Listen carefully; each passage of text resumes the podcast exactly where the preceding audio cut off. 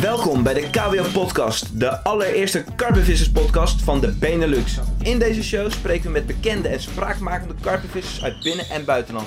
Vissers met bijzondere verhalen, vangsten en levens waar wij natuurlijk alles over willen weten. We gaan de diepte in, zetten de vissers voor het blok, stellen kritische vragen en we proberen zoveel mogelijk succesfactoren uit hun visserij te ontleden.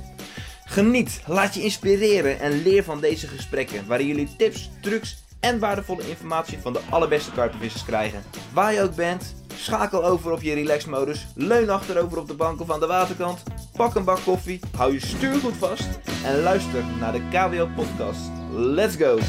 Top, mooi. Yo, dames, heren, kids, jongens, meisjes, opa's, oma's. Oeh, een beetje melige bui vandaag. Maar goed, deze intro, eh KWO podcast, Jos Benders weer. En eh, het is inmiddels december, als jullie dit horen. Ik denk dat we net voor kerst zitten. Eh, iedereen al in kerstsferen. Wij zijn lekker op KWO headquarters. Twee weken dicht. Doen we eigenlijk altijd tussen kerst en oud en nieuw. Net na oud en nieuw. Om de batterij gewoon weer op te laden. Karp Zwolle komt eraan. Mega drukke periode. Dus eh, vandaar dat we eigenlijk altijd voor kiezen om eh, even op de rem te trappen. Is ook wel nodig. We merken dat ook echt wel bij ons. Ehm, ja, druk jaar geweest, 2019. Als ik terugkijk op wat we met KWL allemaal gedaan hebben, is dat echt giga. Ik bedoel, we zijn van eh, vier man naar volgens mij acht man gegaan. Eh, Roofmeister is volle bak erin gekomen en ja, eh, het draait net zo hard mee. We hebben nieuwe apps gemaakt. We hebben een compleet nieuw community design gelanceerd. Mega veel content op de community met name. Als het goed is, is inmiddels ook net live. Of gaan we op hele korte termijn live met onze nieuwe feature, eh, het KWO logboek. Mega strak, echt een gaaf project. Ja, check it out. Het is een, eh, een digitaal logboek waarin jij je vangsten kan bijhouden als je dus eh, gebruik maakt van onze KWO community. Maar goed, podcasts lopen ook gewoon door natuurlijk. Hè. Ik ben echt wel bezig met voor 2020 spraakmakende namen weer achter mijn microfoon te krijgen. Ook wat vaker te gaan doen. Maar ja, wat ik al eerder uh, heb aangegeven, het is best een operatie. Hè? Met name de jongens die van ver moeten komen of waar wij ver naartoe moeten. Ja, het is altijd wel even coördineren uh, wie, wat, waar, wanneer. Maar goed, voor deze keer is het weer gelukt. Ik denk ook zeker een, een, een hele gave naam. Roelof Schut heb ik uh, zover gekregen om zich te laten interviewen. En we gaan met hem spreken over zijn jeugd, zijn start van het karpenvissen. Wat voor veel luisteraars op een moment was dat zij waarschijnlijk nog niet eens op deze aardbol rondliepen. Zoveel ervaring heeft deze man. Uh, zijn rol in de start van de Sportvisacademie, wat de Sportvisacademie exact is. Uh, we spreken met hem over zijn rol als consultant in de hengelsport voor Fox. We spreken over zijn kanaalvisserij. Uh, ja, je zal merken, Roelof heeft een voorkeur voor kanalen. Rustig, uit de drukte en heeft daar ook echt een uh, ja, blik, een, een, een, visie op, een blik op, een theorie achter. Daar gaan we over spreken. Ik probeer hem ook uh, daarover zoveel mogelijk uh, tips, trucs te geven, zoveel mogelijk los te peuteren.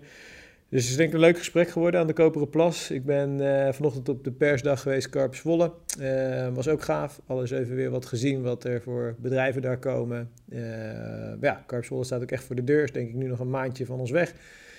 Heel gaaf. Kom ook bij ons buurten. Laat mij ook vooral weten wat je vindt van onze podcast. Ik geef het vaker aan. Ja, probeer echt te verbeteren. Andere namen elke keer weer te krijgen. Verschillende disciplines, verschillende levensverhalen. Uh, heb je bepaalde vragen? Moet het langer, korter? Laat het mij weten op jos.karpenwereld.nl.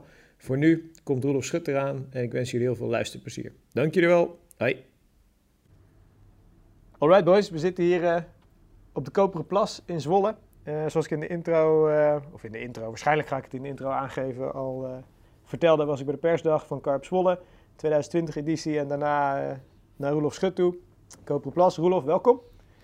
Hallo. Leuk dat je de moeite hebt genomen om, om aan te schrijven in deze podcast. En nou ja, veel van mijn luisteraars die weten wel dat ik eigenlijk altijd even kort begin met een beetje achtergrondinfo van de visser die tegenover me zit. Dus ik zou je eens gewoon willen vragen om, ja, om jezelf eens even kort te introduceren bij de luisteraars. Nou ja, mijn naam is Roelof Schut, zoals uh, eerder gezegd, 52 jaar. Ik woon momenteel in de provincie Drenthe.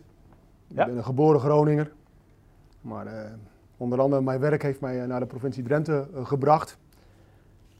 Ik ben gedeeltelijk werkzaam voor een school. Daar ben ik docent in de opleiding Sportvisserij en Waterbeheer. In de volksmond heet dat ook wel Sportvis Academie Zwolle. Ik ben een van de grondleggers van die opleiding. Dus ook een beetje mijn kindje. Ja. Daarnaast eh, ja, ben ik ook werkzaam eh, binnen mijn eigen consultancybedrijfje, mijn eigen adviesbureautje. Daar doe ik allerlei dingen in de hengelsport. Klein beetje daarbuiten. Ja, en ik vis natuurlijk eh, behoorlijk veel eigenlijk. Dus, eh, Dat heeft ons natuurlijk samengebracht. Ja. Maar ik, ik wil natuurlijk wel wat meer weten over wat je net al kort aanhaalt. Ehm, laten we beginnen met, met de Sportvisacademie. ja. Ehm, eh, wanneer is, is die opleiding geboren, om het zo maar te zeggen? En, en hoe is die tot stand gekomen? Eh, de Sportvisacademie Zwolle die bestaat inmiddels bijna tien jaar. Ja. Zeg maar ruim tien jaar geleden werd ik benaderd door de directie van het Zonnecollege, zoals de school heet. Ja. En die zeiden we willen iets gaan doen met de opleiding waterbeheer, groenbeheer. En dan willen we eigenlijk ook de niche-markten eh, sportvisserij en viskweek willen we daar gaan inbouwen. Ja. En zou jij dat kunnen? En jij, jij kende deze organisatie al? Of, of hoe kwam de link met jou? Nou, het kwam eigenlijk, ik had gehoord van die geruchten. Ja. Toen heb ik eens een keer een mailtje gestuurd van misschien eh, is het leuk dat we eens een interviewtje doen of dat ik een redactioneel stukje schrijf wat ik ergens kan publiceren. Zodat ik de opleiding die jullie in gedachten hebben een beetje in het positief daglicht kan zetten. Ja. Voor de le- lezers leuke content, voor jullie gratis reclame. Ja. En ik vind het ook nog wel leuk om te doen, want ik ben natuurlijk een sportvisser. Nou, daar waren ze in geïnteresseerd en toen werd ik uitgenodigd van "Nou, kom maar eens een keer langs. En in dat gesprek waarin ik eigenlijk aangaf waarin je, waar je mee je zou, rekening zou kunnen houden bij zo'n opleiding. Hoe zet je dat nu op? Ja. Hoe zet je dat, dat beleidsmatig weg? Hoe trek je het bedrijfsleven erbij? Toen werd mij uiteindelijk door de directie gevraagd van... Roelof, heb je er wel eens aan gedacht om voor de klas te gaan staan? Ja, want tot dat moment was je helemaal niet werkzaam in het onderwijs? Nee, nee, nee, nee. Ik was daarvoor was ik werkzaam bij de overheid. Ja. Daar ben ik eh, beleidsmedewerker geweest, daar ben ik eh, eh, teamleider ben ik daar geweest, daar ben ik juridisch medewerker geweest. Ver daarvoor was ik zelfs psychiatrisch verpleegkundige, dus ik heb wel een hele diverse carrière om het zo maar te zeggen. Maar ik werkte op dat moment dus bij de gemeente. Ja. En de zittende directeur die vroeg mij, heb je wel eens eraan gedacht om voor de klas te gaan staan? Ik zeg, ja zeker. Ja. Oh ja, zegt hij. Ik zeg, ja, dat ik dat niet wil. dat was je tot dan, Ja. was dat gewoon geen optie? Nee, ik gaf Oké. een keer wat gastcolleges zo. En er waren allemaal zaken zoals gemeentewet of Ja. eh, milieuwetgeving. Daar deed ik wel een beetje in. En waarom dan niet, zegt hij. Ik zeg, nou, omdat ik een, eh, een aangeboren hekel eh, heb aan leraren. Toen moest die directeur wel lachen. En eh, nou, daar liet ik het eerst eigenlijk ook bij. Ik, Ja. ja, ik had een goede baan, ik had een leuke baan. En ik denk, ja, zoek het toch allemaal maar uit, man. Maar ze bleven aan mij hangen, ook in de, in de, in, in, eh, de weken daarna. En ik hield het steeds af. Ja. En toen wou ze nog één keer met mij praten. En toen heb ik in de gauwigheid gezegd van is goed, prik maar een datum. Die hebben we vastgelegd. En toen Ja. de, de avond van tevoren eh, besefte ik mij, van ik keek in mijn agenda. Oh ja, hemeltje. Ik heb eh, een afspraak bij die school in Zwolle. Nou, daar, ik, toen wist ik al, ik kan er niet weer heen gaan en zeggen, weer zeggen dat ik het niet wil. Dat hebben we al heel ja. vaak gedaan. Ja. Dus ik ga hem afzeggen. Of we gaan er nog eens een keer serieus over nadenken. Eh, ik heb daar die avond serieus over nagedacht. Ik heb mijn randvoorwaarden op papier gezet.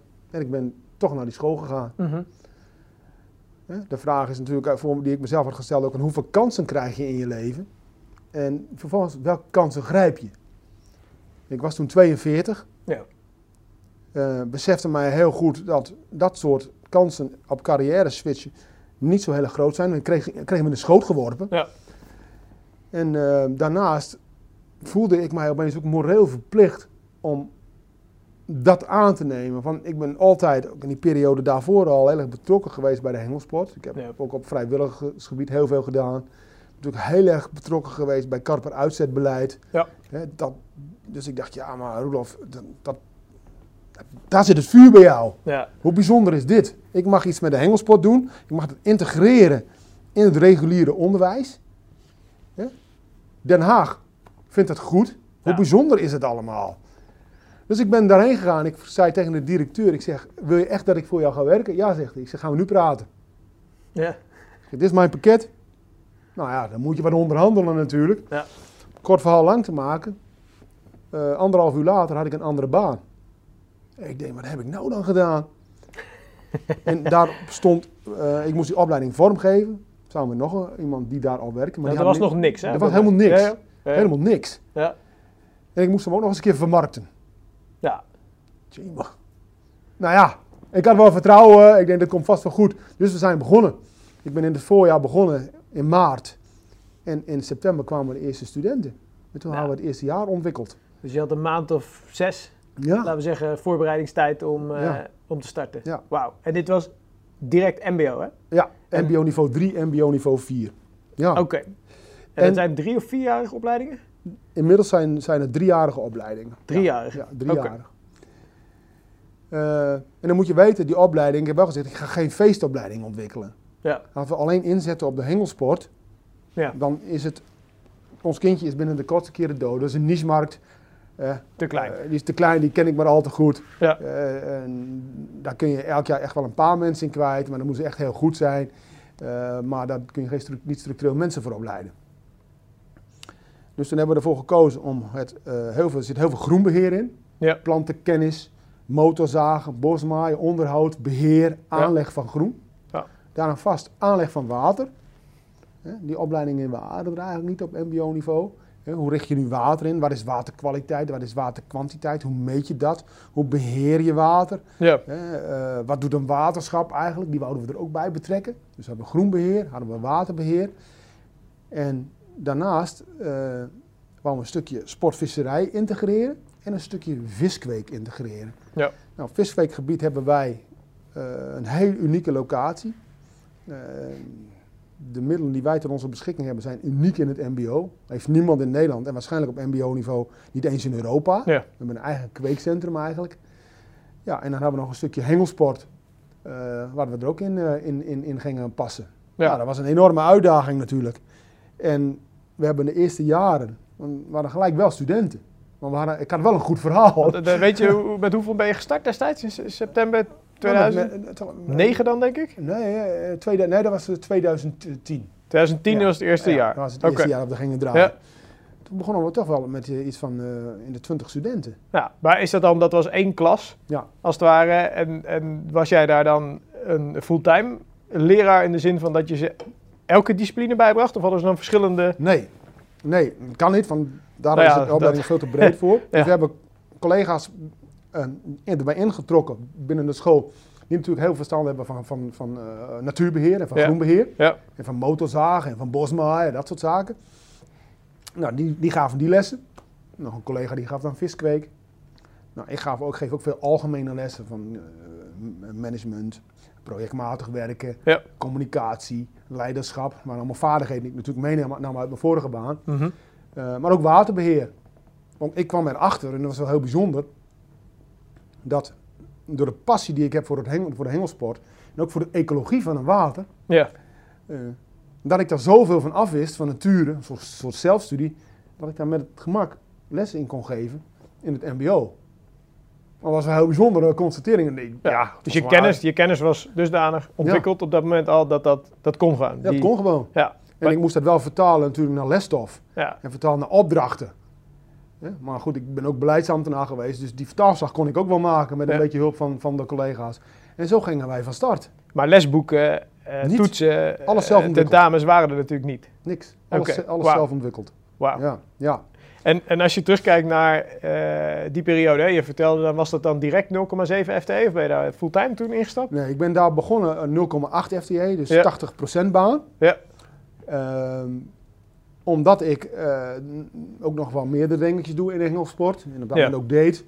Ja, want ja, ik zit, zat dan gewoon vol. Dus ik kon gewoon niet, geen fulltime baan aannemen. Ja. Inmiddels werk ik dus een 0,7 FTE. Maar eh, ik heb er nooit fulltime voor de, voor de school gewerkt. Meestal Nee. was het zo dat ik maandag en dinsdag werkte, woensdag niet voor de school. En op de donderdag en de, en de vrijdag wel. Maar het was wel een hele intense periode. Eh, een heel spannende Nou goed, periode. je bouwt gewoon een nieuw huis, toch? De, Ja. Om het maar zo Ja. te zeggen. Je en de druk lag natuurlijk bij mij. De schut is de man van het sportvissen.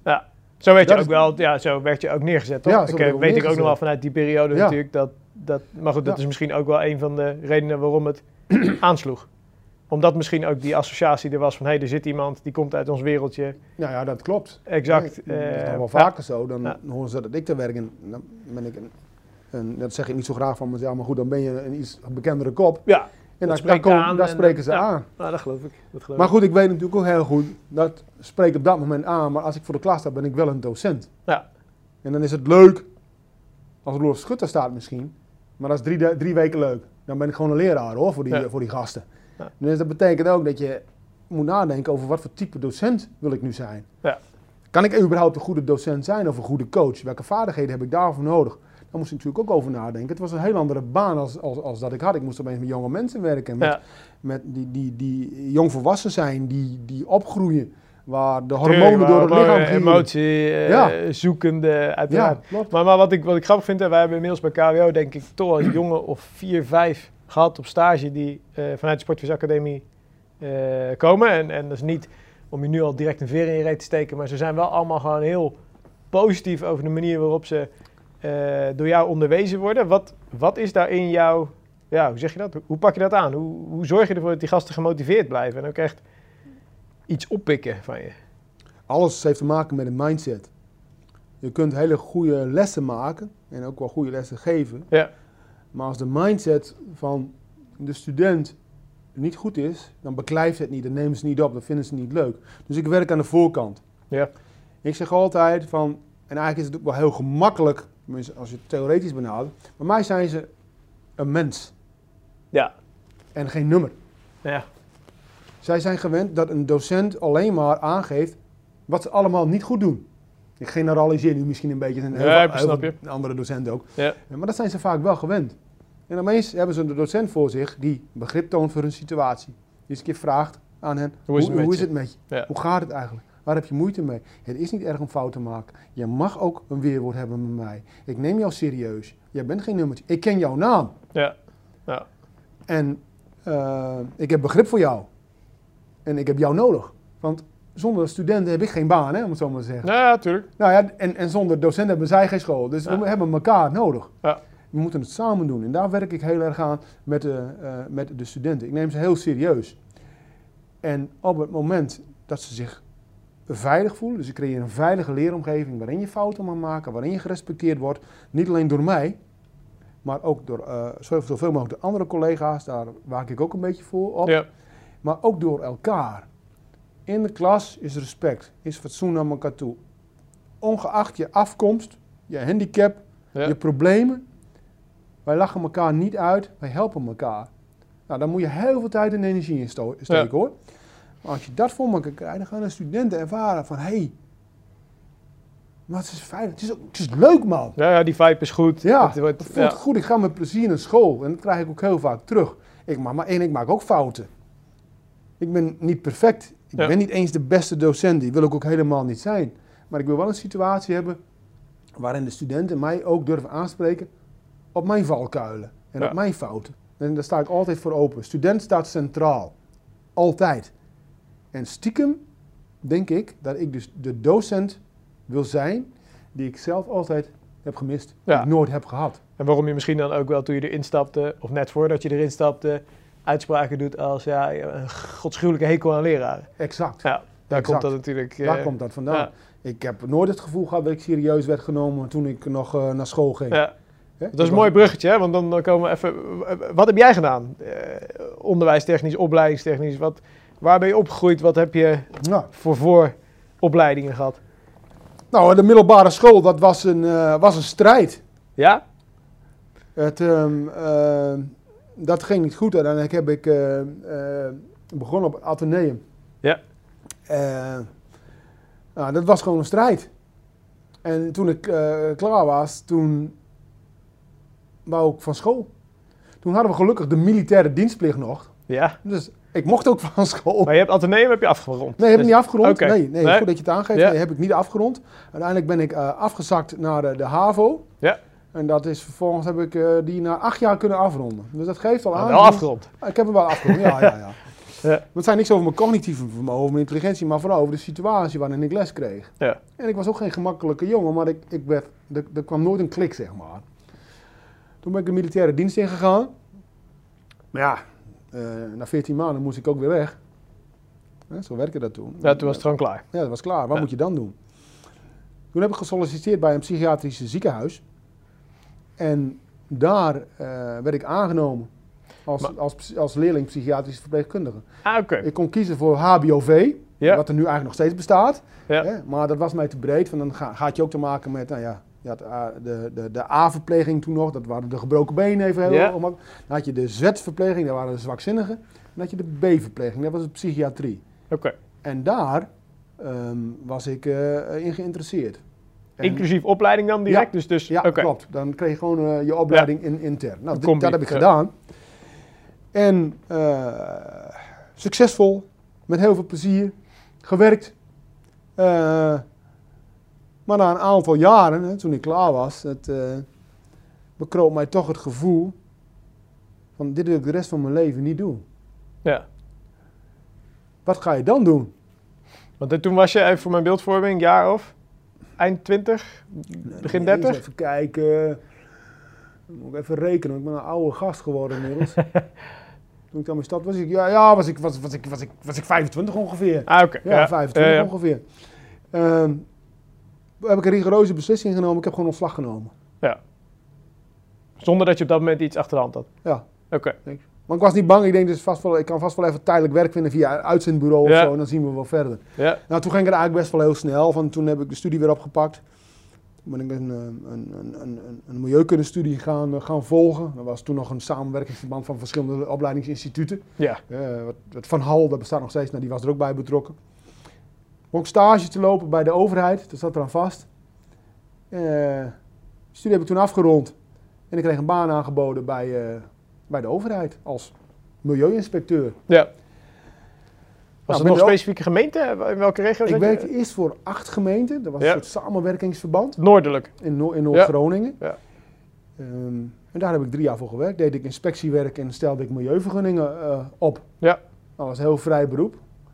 Eh, toen ben ik ook gelijk begonnen met vier dagen werken ook al. En ik wou natuurlijk ook wel blijven vissen. Ja.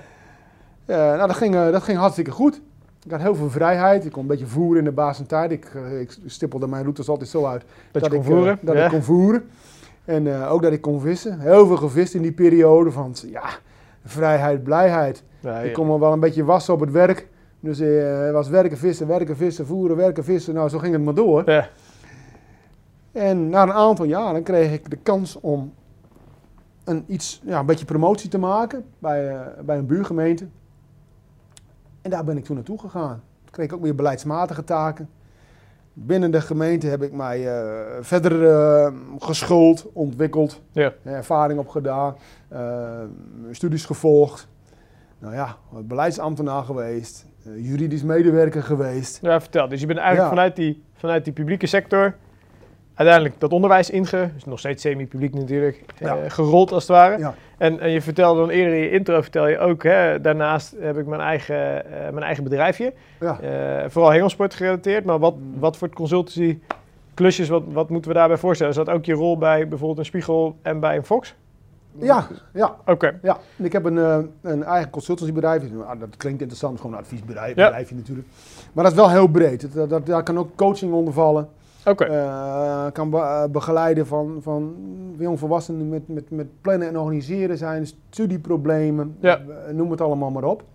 Maar ook de hengelsport valt eronder. Dus Ja. ik, ook binnen Spiegel Magazine en voor Fox werk ik op ja, freelance basis eigenlijk. Zo, Ja. moet je, zo moet je dat eigenlijk, moet je dat eigenlijk zien. Het gaat allemaal onder de noemer van mijn, van mijn bedrijfje. Ja, Ja. gaaf.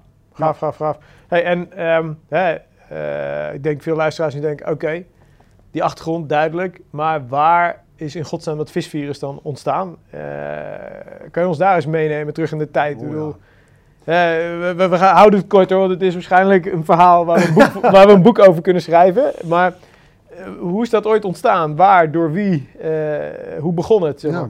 Nou ja, mijn vader is inmiddels helaas overleden, maar Ja. dat was een visser. Dat was echt een echte Dat visser. was een, een, een visser, ja. Ja. En dat was ook een karpenvisser. Ja, ook echt al? Ja.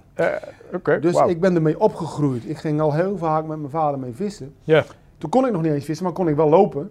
En dan kreeg ik een touw om mijn middel. Ja, En dan de andere uiteinde van het touw ging dan aan een boom, zodat ik net niet in het water kon vallen. ja. Maar dan ging, toen ging ik al mee. En ik was totaal gefascineerd door water, maar ook door slootjes, alles wat er in de sloot leefde, om het water leefde. Ja. En water was voor mij heel mysterieus en dat is eigenlijk nog steeds. Van als je naar het water kijkt, dan zie je niks. Maar onder water is Maar onder water gebeurt er van alles. Ja, ja. En dat fascineerde mij enorm. En op school, op de basisschool ook, hadden die grote platen hangen. En dan zag je die watertorren en die caves en die vissen stonden ja dat erop. En dan keek je onder water als het Ja. ware. En dan was er nog geen internet of YouTube of zo. Dus we moesten allemaal hebben van de boekjes. Ja. Nou, dat vond ik machtig mooi. En als mijn vader dan zo'n vis door het wateroppervlak naar boven trok, dan was ik daar enorm door gefascineerd.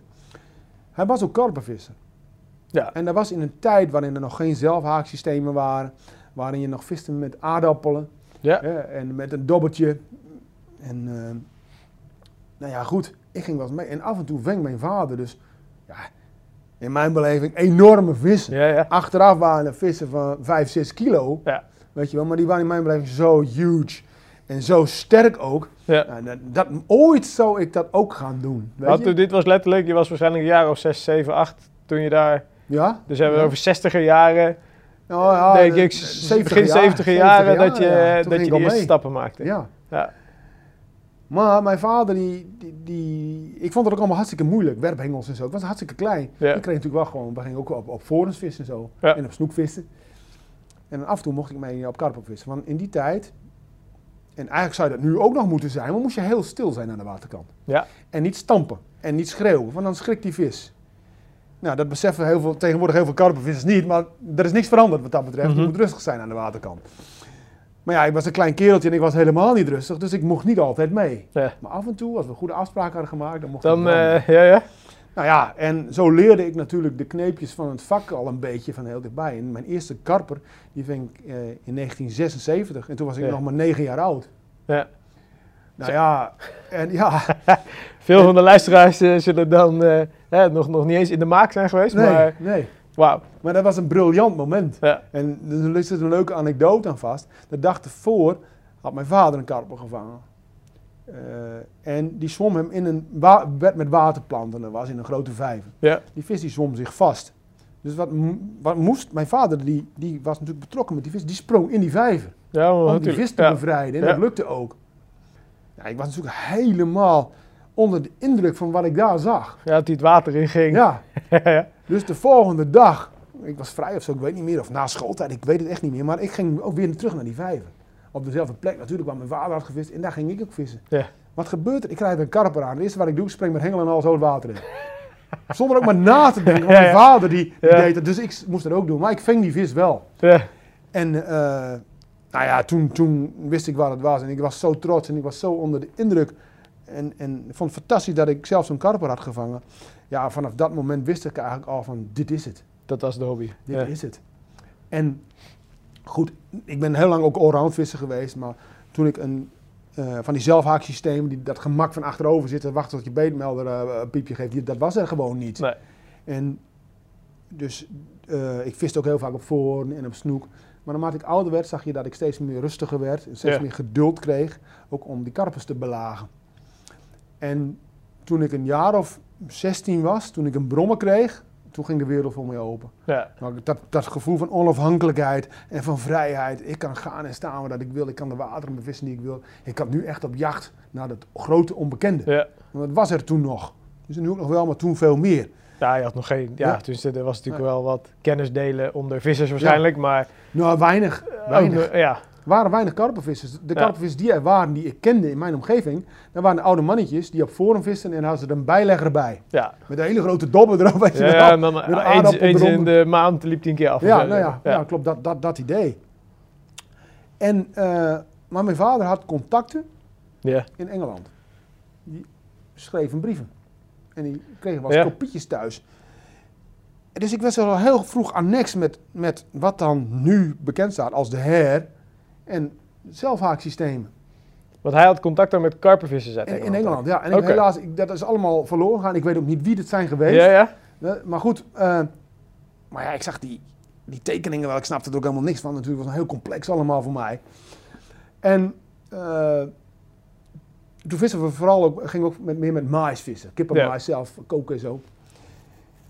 En toen had ik eens een keer zo'n tekening nagemaakt. En dat is dus ergens heel erg, ja, begin jaren 80, rond 1980 of zo moet dat geweest zijn. Toen had ik eens een keer een onderlijn nagemaakt Ja. met zo'n her. Ja. En daar had ik, op die her had ik allemaal korrels mais gedaan. En die haak lag bloot. En dat zag er niet uit, man. Ja, Maar ja. ik had geleerd, die haak die moest in het aas, want anders dan, prik- dan, dan proefde die karper dat. Ja. Of dan prikte die zich en dan, was hij bang.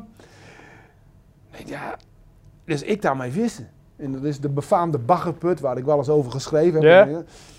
Dus ik vissen en ik kreeg een partij beet, jongen. En ik kreeg een partij beet. En elke keer als ik aansloeg, want ik was gewend om aan te slaan, niks. Een gat in de lucht. Ja.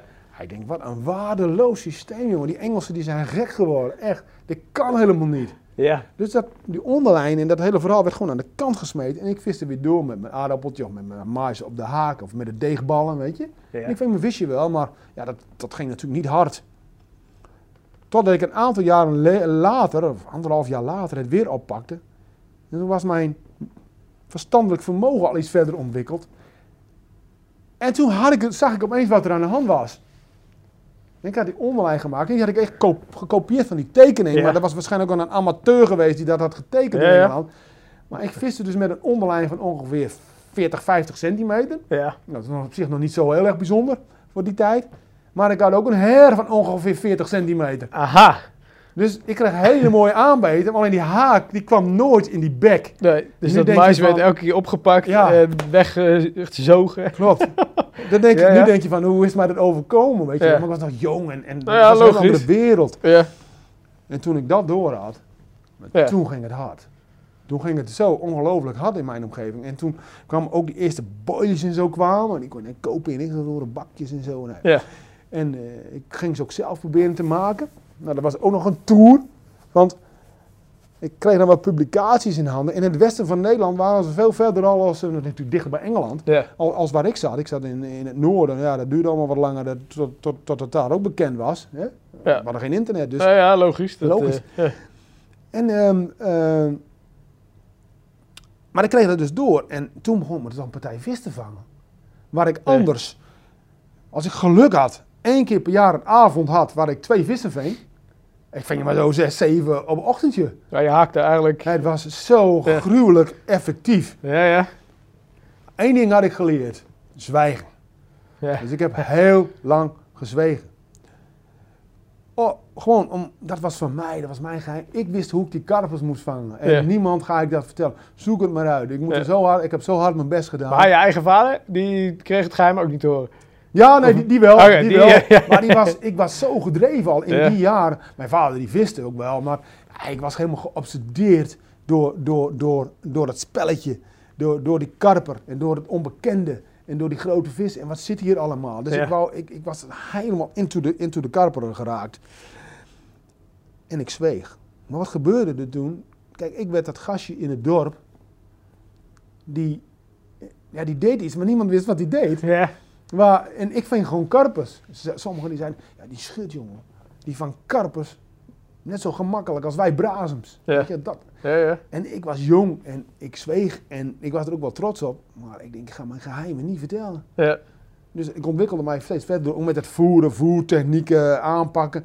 Dus, dus nou ja, in die jaren is het ook een beetje ontstaan. Ja, dan word je opeens een beetje bekender, zeg maar. Dat begint natuurlijk in de regio. En dat was helemaal niet mijn bedoeling. Daar maar er werd gewoon over gepraat. Daar werd over gepraat. Dat, dat ging, dat ging eh, automatisch.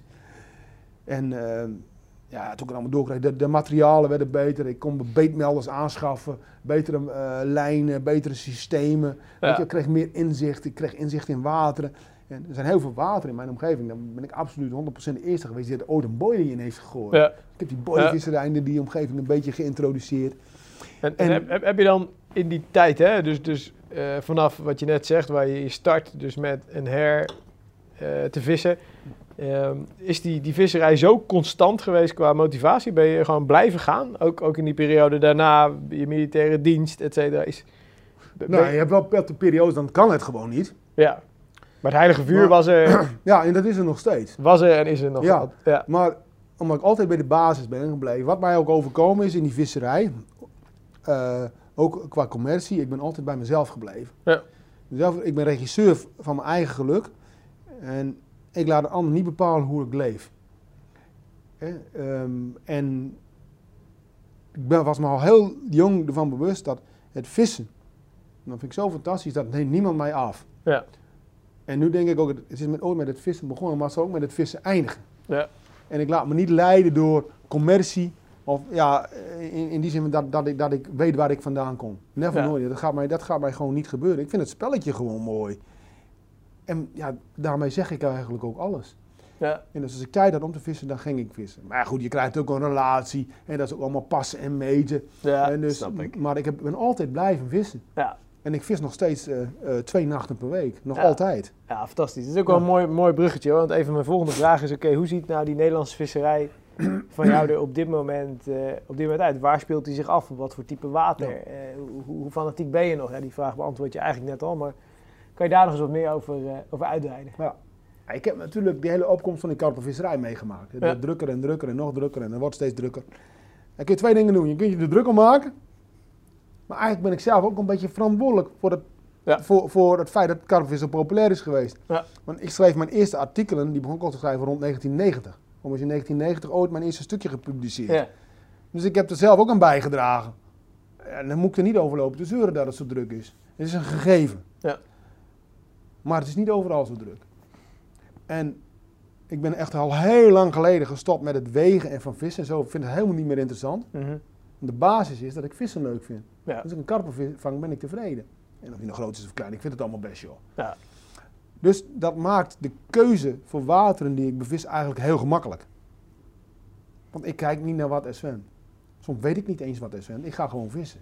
Ja. Als ik een karper vang, dan ben ik tevreden. Nou, dat zijn niet de big fish wateren, de populaire wateren. Wateren die populair zijn, dan zitten grote vissen of zitten veel vissen of wat dan ook. Nou, dat zie je mij niet of nauwelijks. Oké, laat je bewust gewoon links liggen. Ja, niet interessant. Ik ga niet aanschuiven. Ja. Ik heb geen, geen, geen zin om, om mij in een wereld te begeven van, ja, zo noem ik dan toch maar waarin ook heel veel, waar het in gaat om het gewicht, Ja. om de status, om, om waar afgunst en jaloezie welig tieren. Daar Ja. houd ik mij ver van bij. Dat vind ik helemaal niet interessant.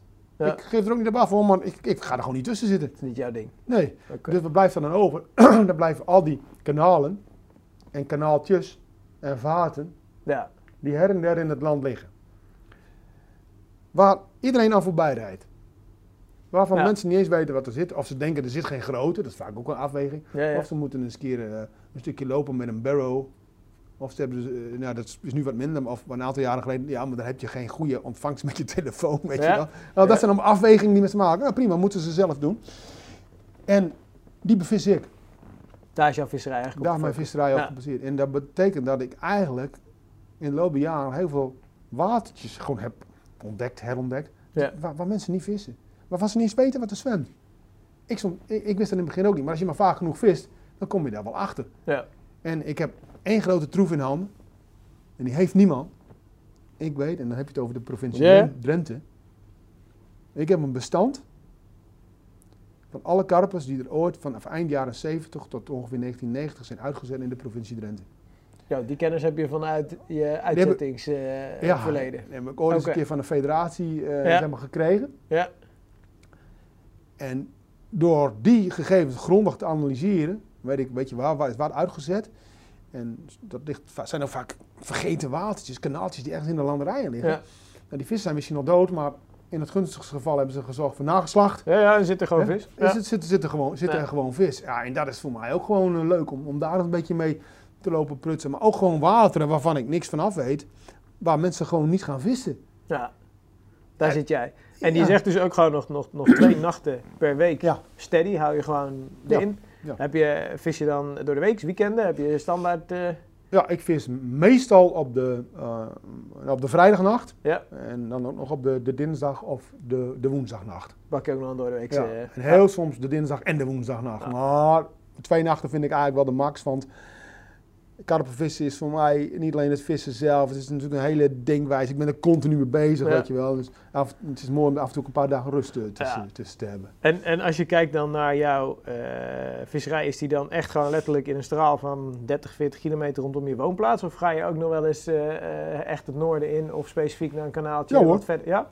Ik ben niet te beroerd om, om eh, 100 kilometer te rijden om eens een keer even een beetje voor te voeren, zeg maar. Nee. Die, is- die energie, die tijd, die moeite, die gaat er nog steeds in. zeg. Ja, Maar Oké. ja, op gezette tijden denk ik wel goed over na natuurlijk. Ja. Maar eh, ja, ik laat me niet be- belemmeren door eh, enkele tientallen kilometers. Nee, Ja, dat dan is ga allemaal, eh, En, en, en je vertelde net al, je zit natuurlijk vlak bij de Duitse grens. Ja. Eh, trekt dat? Doe je daar wat? ja, en daar laat ik het bij. Oké, duidelijk. Nou, van tevoren afgesproken, jongens. Hè? Als Roelof eh, ergens eh, grens trekt, dan eh, moet ik er ook wegblijven. Snap ik. Nou, misschien is dat iets over een eh, aantal jaar dat je er eens wat over los wil laten. Hey, en en eh, ik had met de jongens op kantoor erover, nou, ik ga met Roelof spreken. En eigenlijk iedereen eh, gaf wel aan van, ja, oké, Roelof inderdaad, kanaalvaarten, vissen. Hè? We zien dan vaak dat je volgens mij ook vanuit je bus vist. Ja. Wat we meekrijgen op social media. Ehm, die kanaalvisserij, daar wil ik wel wat, wat, wat beter op inzoomen. Ehm, je vertelt al, je voert. Eh, is dat eigenlijk een, vast onderdeel van je aanpak in die visserij? Ja, ja vaak wel. Ja. Ehm, die kanalen, ehm, kijk, als ik weet waar de vis ligt, in som- sommige gevallen weet ik dat, Ja. dan is dat wat van minder belang, dan liggen ze er al. Dan ben ik toch wel, al, dan gooi ik er graag van tevoren nog wel wat voer in, maar dan is het niet zozeer het kwestie van vissen proberen te verzamelen, maar meer gewoon even annex te maken met het voer wat er ligt. Hè? Ja. Even lekker maken en, en voor, de rest, voor de rest niet. Maar heel, veel, heel vaak weet ik dat ook niet. Dan weet ik wel dat ze op enig moment in bepaalde jaargetijden ergens in een bepaalde, op een bepaald stuk kanaal kunnen liggen. Maar waar precies, dat weet ik niet. Ja. Ja, want die vissen die zwemmen gewoon heen en weer. En dan eh, voer ik toch wel eh, graag van tevoren even. Om A, voor het vertrouwen. Dat geeft vaak ook een stukje vertrouwen. Ja, ja, Maar ik voer ja. wel doordacht. Ik voer ook wel ehm, eh, niet zomaar van ik ja, pleur dit voer er maar in en het, het zal wel. Nee, ik, probeer, ik hou me wel heel erg bezig met, met, met zwemroutes, met, met aasplekken. Ja. En ook wel soms die heel minutieus eh, klein zijn. Ik ben heel erg bezig met, die, met bodemonderzoek en met het trekgedrag van die vissen. En ja, elk jaar maak ik gewoon mee dat een halve meter te ver naar links of naar rechts is gewoon geen beet. Maakt het verschil. Precies. En, en daar probeer ik dus ook op in te spelen, ook in mijn, in mijn, in mijn, in mijn voeren. En dat is een, een, een, een gevolg van al die jaren ervaring. Toen steeds maar blijven gaan, blijven gaan.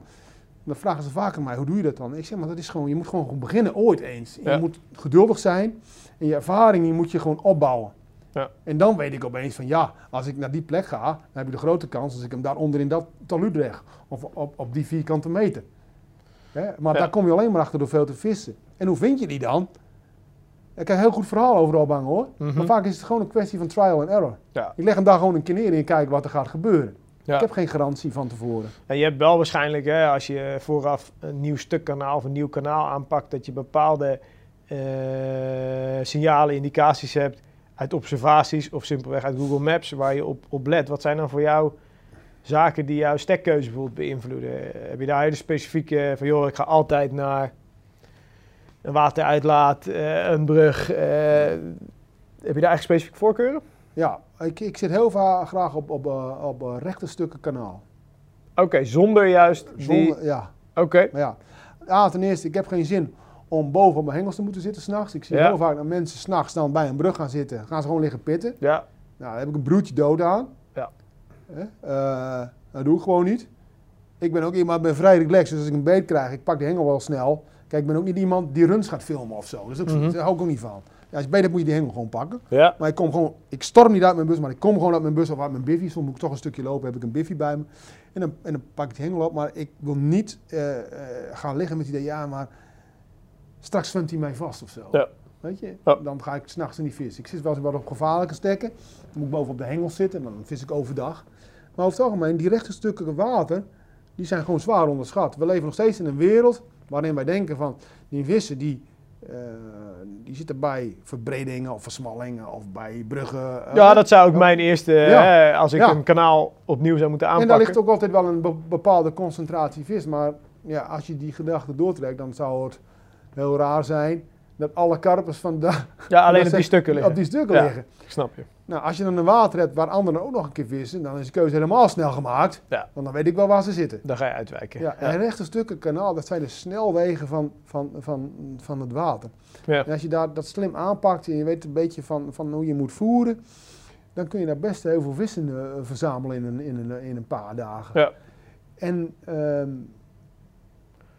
en ik vind het ook mooi. Als ik aan zo'n rechtstuk kanaal sta en ik Ja. kijk naar links, dan zie ik de oneindigheid van het kanaal. En ik kijk naar rechts, dan Zie je ik, denk ik, my Ja. god, wat is huge. Ja. Ja, wat zijn ze? Dus dat geeft ook een soort ruimtelijk gevoel of zo. Maar daar heb je toch ook- wel dat je niet zomaar op de rem trapt, je spullen uitpakt en begint te vissen. Ik jij Nee. zal daar altijd wel een idee achter Ik hebben, wil toch? altijd weten van hoe, is de, hoe zijn de kanten opgebouwd, liggen daar stenen, Eh, hoe loopt het taluut, is de bodem zacht, is de bodem hard, Ja, Eh, hoe scherp zijn de taluuts. Eh, en dan probeer ik al een inschatting te maken van hoe de vissen zwemmen. en heb je daar dan een bepaalde voorkeur? Ik bedoel, ga je juist, eh, je bent aan het peilen, je voelt een harde of een zachte bodem. Waar, waar, wat, wat, waar ga je op aan, zeg maar? Wat, welk, wat zijn die signalen? Nou, kijk eerst eens hoe, hoe de taluts lopen. En des te steiler de taluts, des te liever heb ik ze. Oké, wat zit daar voor gedachte achter? Een vis die zwemt heel graag. Een karper die zit niet echt niet de hele tijd op de bodem te vreten. Die Mhm. zwemt ook en die trekt ook van A naar B. Die zwemt vaak op half water ook, maar eh, die zwemt, een vis, een dier, houdt van veiligheid. Ja. En als een, een taluut heel flauw is, ja, dan kun je wel over de taluut zwemmen, maar dan zwem je eigenlijk nog in open water. Een steil taluut, dan heeft een vis aan één kant eigenlijk een hele grote bescherming. Ja. Dus dan weet ik bijna al, nou ja, zeker wil ik niet zeggen, maar dan, dan heb ik een hele grote kans dat ik wel weet hoe die vissen daar gaan zwemmen. Ja, Dus eh, steile taluuts, die zoek je. Ja. die, die, die, die, heb ik heel, die heb ik heel graag. Dus ik peil wel een, een stukje eh, eh, kanaal altijd uit. Eh, Gewoon nog oldschool, een stuk lood en dobber? Of Uiteindelijk je... wel, maar eh, eh, een, een voerboot met een mooie dieptemeter is natuurlijk een, iets waar, waar je Ja. heel snel een algemeen beeld mee, mee kunt creëren. En dan ga ik vooral met een stukje lood ga ik nog wel, nog wel gooien. Dus daar, daar, daar zoek ik naar. Of, Ja. of steen stort in de kant. Ja, dat is heel gemakkelijk. Gewoon achter de steen stort vissen. Dat is de basis. Ja. Daar leg ik altijd een hengel, hengel neer.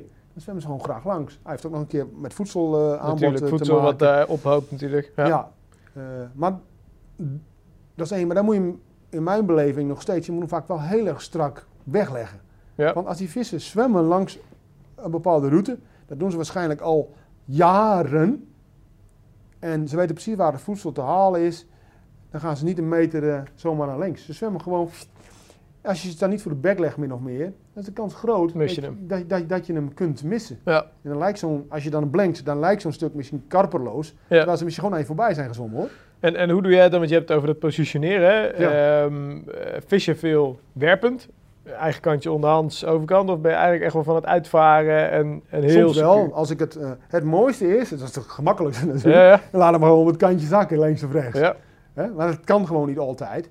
Want eh, als ik hem dan strak onder een, in een taluut wil hebben, of langs een glooiing, of precies op, op ik weet dat daar een, een, een, een, plekje is waar, waar ze net iets liever aas, of waar het iets harder is, of juist Ja. iets zachter, ja, dan gebruik ik toch wel vaak eh, de voerboot. Ja, Ja, oké. maakt het gewoon, eh, dan kan ik gewoon super strak, kan ik, kan ik, kan ik mijn lijnen, lijnen wegleggen. Ja, dus een voerboot is eigenlijk essentieel ook wel in jouw Ja. Visserij. Ja, als, ik- als Dat- ik geen, goede, eh, geen had met een goede, eh, goede dieptemeter, Ja. dan, dan zou ik een stuk eh, minder vissen vangen. op Ja, dus dat is wel echt een meerwaarde. Zo grappig, ik heb er later ook nog een vraag over in de Ja. podcast, maar goed, komen we komen op terug.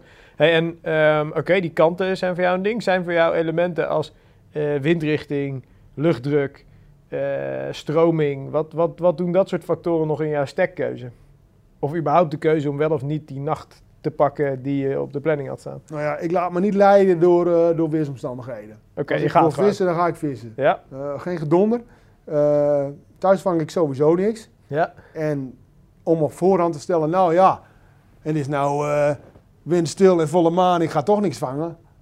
Nou ja, daar ga je niet in mee. Nee, Oké. van, ik vaak nog meegemaakt dat je dan wel een vis vangt. Hè?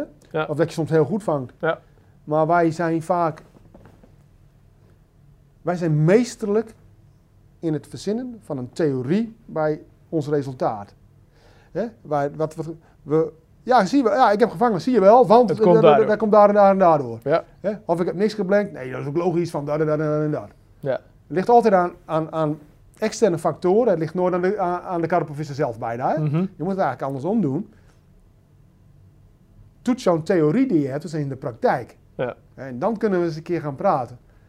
Maar ehm, ehm, niet andersom. Dus ik laat mij daar niet door leiden. En bovendien, de, eh, de natuur is heel eh, eh, wispelturig. Voor hetzelfde geld vang ik wel vis. Ja. Maar ik vind vissen mooi. Ja, en dus dat is de basis. Ik snap je, dat is de motivatie voor jou om gewoon te gaan. Ja. En, en als je dan, eh, je staat aan zo'n lang stuk kanaal, je kiest een bepaalde, bepaalde stek, die kanten. ehm, windrichting is daar dus niet dat je direct. Ja, je weet wel op bepaalde kanalen, hè, eh, of bepaalde wateren, Ja, er bepaalde situaties die wind er goed overheen blaast of eh, dat het stroomt, Ja. dat de kans op succes dan groter is. Ja, Dat, Oké. dat, dat weet ik wel. Soms dan, ben ik, dan, dan kom ik aan, oh het stroomt, jee, dan ben ik Ja. blij. Ja, ja. Weet je en, wel? En, en die stroming, want die stroming die zorgt ervoor dat er leven in het water zit, tuurlijk. Dat er, Nou, vooral dat, dat de vissen vaak, eh, in mijn beleving, dat ze wat actiever zijn. ja, Als water stroomt, moet een vis actief zijn om, om, om, om, zich Om iets te doen, Om, ja. ja. om, iets, om, om, om, om, stabiel in het water te liggen. Ja. Ja, dan verbruiken ze energie. En als ze energie verbruiken, is de kans dat ze die energievoorraad willen aanvullen door te gaan azen, is ook weer een stukje groter. Ja. Dat lui in het water liggen, dat gebeurt best eh, heel vaak. Maar ja, dat gebeurt het meest natuurlijk op water die ook stilstaan. ja. Dus, dus, dus als water in beweging is, dat, dat vind ik altijd goed.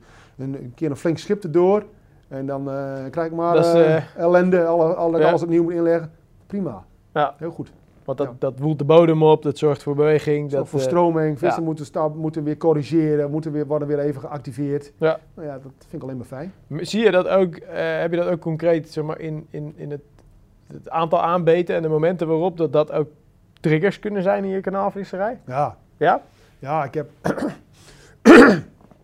eh, toch wel regelmatig meegemaakt. Maar jij praat natuurlijk al heel veel jaren. ja, dus natuurlijk. wel, Dat wel eens meegemaakt dat als er een schip doorkwam, dan kon je erop op wachten op bepaalde wateren. Ik kan het Twente-kanaal even wat voorbeeld nemen van Ja. vroeger, wat het vroeger was. Als een schip doorkwam, kreeg ik beet, joh. Ja, Dan dat was gewoon heel, echt... dan heel goed. Ik zat er ergens richting Zutphen altijd te vissen, bij een zwaai kom.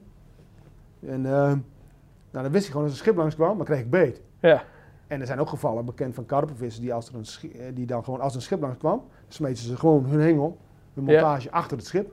ja want in die... eh, In die zone dan, dan werd er wat opgewoeld en daar Ja. gingen de vissen dan toch snel heen, eh, heen te azen. Ja. Maar het is geen wet van mede of persen. Ik heb, die zekerheid heb ik nooit. Nee. Dus dus eh, daarom blijft het ook altijd spannend. Ik weet eigenlijk nooit wat er gaat gebeuren. Ja. Ik heb hoogstens een idee van wat zou kunnen gebeuren. En, en als je het hebt over voeren, hè, want daar, daar starten we toen we deze kant op gingen. Eh, je geeft aan, je voert. Ja. Ehm, ik heb ook wel eens begrepen van jongens om me heen, die zeiden wel eens, ja, Roelof die voert ook gewoon wel eens ergens een half jaar zonder dat hij er überhaupt vist. Ja. En dan pas gaat hij, gaat hij daar starten. Ja. Vertel zeg maar, want ja, voor een hoop gasten zal het zijn, oké, Ja. een, week voeren, twee weken een keer, hè, maar... Ja. Ah, dat was vooral... En ik heb natuurlijk ook mijn periode gehad waarin ik wel eh, heel veel op afgesloten water viste. Ja. Hè? Eh, wat, wat, wat dan de circuitwateren waren. Ja, Want ik heb altijd wel in mijn gedachten gehad. Ik, ik, ik heb bepaalde theorieën, bepaalde gedachten, bepaalde dingen die ik wil proberen. Die wil ik dan ook eens een keer in de praktijk brengen. Hè? Ja. En, ehm, dus ik heb wel een, een, een periode gehad. En dat was vooral een periode zo rond. Nou ja. 1999, nou, 20 jaar geleden maar, zeg maar, tw- tw- 15 tot 20 jaar geleden. Ja, misschien tot 13 jaar geleden ook nog. Maar goed, in die periode, dan, eh, dan wou ik nog wel eens uitpakken op wat afgesloten wateren. En ja, als je iets wilt doen op water die onder druk staan, dan is het vaak succesvol dat je iets doet wat een ander niet doet. Van de vissen die kennen het klappen van de zweep. Ja. Ja, daar kun je heel ingewikkeld gaan doen over montages. En over vierkante meters. ja, En over stekkeuze. Maar ja, het is overal hartstikke druk. Dus ehm, in die periode ben ik eh, heel lang gaan voeren. want daar verwacht hij echt het verschil mee te maken. Ja. Gewoon die acceptatie van het aas. Ja, acceptatie. En, en dan Ja. helemaal geen, niet, niet ingewikkeld. Van aas, daar wordt ook heel ingewikkeld over gedaan. Ja, heel simpel is in mijn beleving. Ik heb er zelf ook veel over geschreven, maar goed. Ehm, zorg dan wel, in de- wel dat je een aas hebt wat een ander niet heeft. Ja. Of niet gebruikt op dat moment. Dan kun je echt, en denk niet alleen in smaakjes of in attractoren, maar denk ook eens in formaat bijvoorbeeld. Ja. Maar maak echt het verschil en pak daar lang mee uit. Ik heb echt heel lang gevoerd, tot wel negen maanden tot een jaar. Ja. Maar dan Zonder ook te vissen in die zonder tijd. te vissen. Oké, gewoon echt voorbereiden, voorbereiden, Zonder te voorbereiden. Ja? Maar ik heb ook wel meegemaakt dat ik dan in twee nachten gewoon 90% van het bestand ving. ja, want die vis die was zo... Zo gepreoccupeerd Ja, op, dat, op dat aas en dat was zo veilig. Ja, en belangrijk is dat ze het ook heel lekker vinden. Ja. Een dier moet iets lekker vinden. Wil je hem echt gulzig kunnen Nou, die maken? voedingswaarde moet ook goed zijn. Want als zo lang een vis erop zit, toch, moet het Nee. ook wel... Nee, niet. Ook als het instant attractief... Ja, maar wat, is, wat is voedingswaarde, weet je wel? ja, Ja, daar ben jij natuurlijk de... Waar, wat is voeding? Daar wordt heel vaak gezegd, ja, maar in die, die, die boilie zit niks in. Wat moet erin zitten dan? En zelfs als jij een, een simpele boilie neemt, een, een, een, wat tegenwoordig dan als een, een koolhydraatboilie of een- Ja. een- wordt bestempeld, die worden ook aangemaakt met eialbumine. Ja, Hè?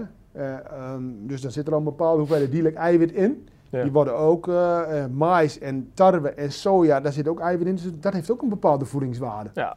Dus elke bolie heeft een bepaalde voedingswaarde. Als jij Maar- gelooft dat die bol ook gewoon op de lange termijn geaccepteerd enkel- blijft. Dat geen- heb je gezien ook geen in, enkel je, probleem. in je visserij. Geen Ja. enkel probleem. Maar het gaat er ook niet om dat je een water vol kapt. Mhm. Eh, Je hoeft er niet te verzadigen. Ja. Als jij op lange termijn denkt, dan is één boilie per dag is al genoeg. Dus één keer per dag Ja. een lekker snoepje krijgen. Ja, ja, Na een raken week ze- hebben ze dat wel door hoor. Ja, hetzelfde met een hond, weken. die weet ook eh, op een gegeven moment eh, waar de koektrommel zit. Zeg maar. Maar ze moeten het wel, eh, wel, eh, wel Ja. eh, lekker vinden. maar wat voor hoeveelheden? Want jij ging dan twee, drie keer per week naar zo'n water? Ja, meestal was het dan zo om de, om de dag. Ja. Ja. En dan, wat voer je dan? Eh, Nou, of- dat zijn, waren wa- wateren van, van misschien wel, nou laten we eens even, ik ga geen namen noemen. Nee, dat snap ik. Maar het is toch al gauw een put van een hectare of acht. Ja, toch wel. Ja. En wat, wat ging daar dan in? Zeg maar? Een po- een pondje. En verspreid? Of eh, wel gefocust Ja, in bepaalde zones? Soms een kilo, maar helemaal Ja. niet veel hoor. Ja, zo. Helemaal niet veel. Ja, ja. Maar het zit hem er ook niet in. Ja, maar dan moet je, je moet het wel doen. ja. En je wie wel is gaan. zo krankzinnig gek dat hij dat een jaar volhoudt, Ja. koste wat het kost, dat voer moet erin. Ja. En dat is wat ik deed. Waar, wat, wat, wat, wat is dat oervuur in jou wat dit dan aanwakkert of zo? Het is niet eens een keuze, je weet het gewoon. Je hebt het gezegd, ik ga dit doen en dan doe je het ook gewoon. Weet je, Die discipline is bij jou zo, zo, zo Ja. sterk, zo groot. Om- omdat ik eh, nog altijd gefascineerd ben Ja. door het beest. Het is gewoon een beest. En, en, en, en, en ik ben ermee groot geworden. Toen Ja. ik klein was, toen was ik zo onder de indruk van zo'n vis. En dat ben ik eigenlijk eh, nog steeds. Maar ik ben onder de indruk van de verschijning. Niet van het formaat. Dat zegt me niks. Ja, als ik een dikke vis zie, dan zie ik, jezus, wat een dikke vis. Ja. Natuurlijk zie ik dat wel. Ja. Maar ik ben ge- gefascineerd door het beest zelf. Ja. En door zijn gedrag. En door zijn ecologie.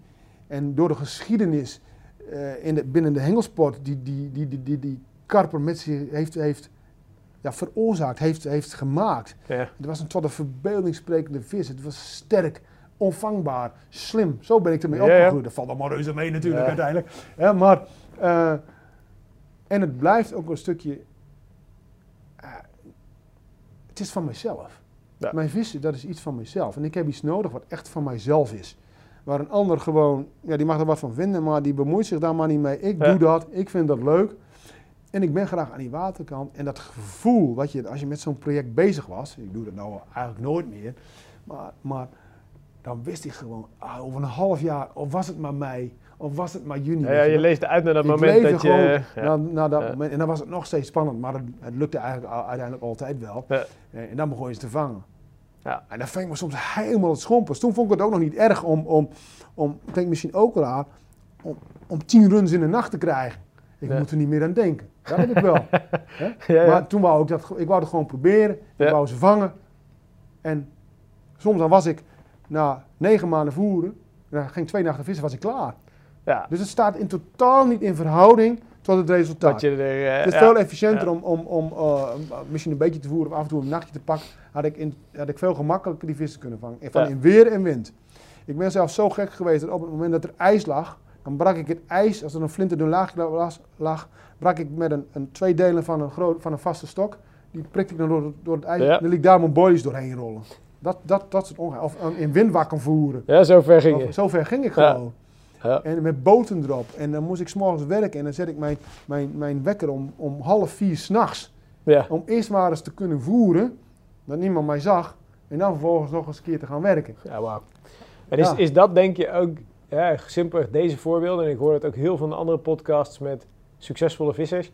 Dit is denk ik ook wel een van de redenen waarom je gewoon dan succesvol bent.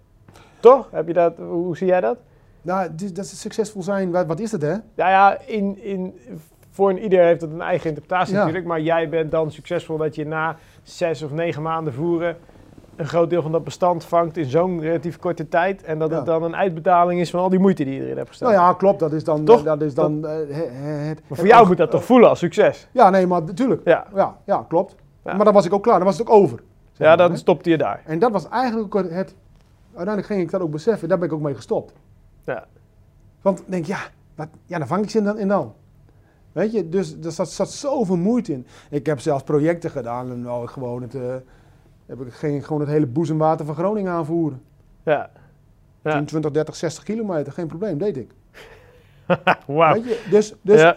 Maar ook gewoon om het gedaan te hebben. Hè? je moet buiten gebaande paden denken. Dan kun je wel zeggen, ja, ga het iets anders doen. Nee, als ik het anders doe, doe ik het goed anders. Ja.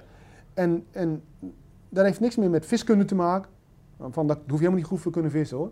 Want als, je, het je- als het je lukt om de vissen van een water op je aas te krijgen, hoef je maar één ding te doen, moet je gewoon erin pleuren. Ja. En dan wacht je maar gewoon en dan, gaan, dan hangen ze eraan. Maar eh, eh, het vraagt gewoon doorzettingsvermogen, eh, discipline, een goede planning, een goede organisatie, een goed Ja. thuisfront, dat moet er allemaal achter Ja, ja, staan. natuurlijk, dat moet geen spanning hebben. Ja. Van, van, als ik spanning heb, dan ga ik nooit vissen. Ja. Hey, En, en jouw kijk op, op AC, je vertelt net al, je hebt er veel over geschreven. Ja. Ehm, eh, je geeft bij mij al aan van hè, die voedingswaarde, wat is dat dan? Ehm, als we daar even inzoomen op, op, op, op jouw kijk op aas, Ja. vis je nu eigenlijk eh, doorgaans eh, alleen bollen of vis je ook particles? Hoe, waar ligt nu jouw, jouw focus? Zeg maar, hoe vis je? Ik vis hoofdzakelijk, hoofdzakelijk boilies. Bollen. Ja. En, en heb je daar dan, wat is daar, ik, ik weet nog van vroeger toen ik je stukken las, de, de 135 eh mysterie, het Oh ja. geheim zeg maar, hè, waar bij ons in de Randstad iedereen dan van dacht van oké, wat doen die gasten Ja. daar? Maar hoe is jouw kijk op aas? Heb je, eh, maak je nog zelf zoet, vismeel, klein, groot? Ja. Eh, hoe, pak je het aan? Basis is dat de vis het lekker vindt. Ja. Dat, dat, is, dat, is, gewoon, dat is gewoon key. Een, Ja. een beest moet iets lekker vinden om het überhaupt al te willen eten, weet je wel. Of Ja. niet heel erg hongerig zijn, maar een goede smaak is belangrijk. Nou, wat het dan is, dat is ook een beetje een vaag begrip, een goede, goede smaak. Maar ik haal altijd het voorbeeld aan van, van een, een veeboer die koeien heeft. Ja. Die heeft op koeien staan en die hebben van die biks, die krijgen ze dan te eten.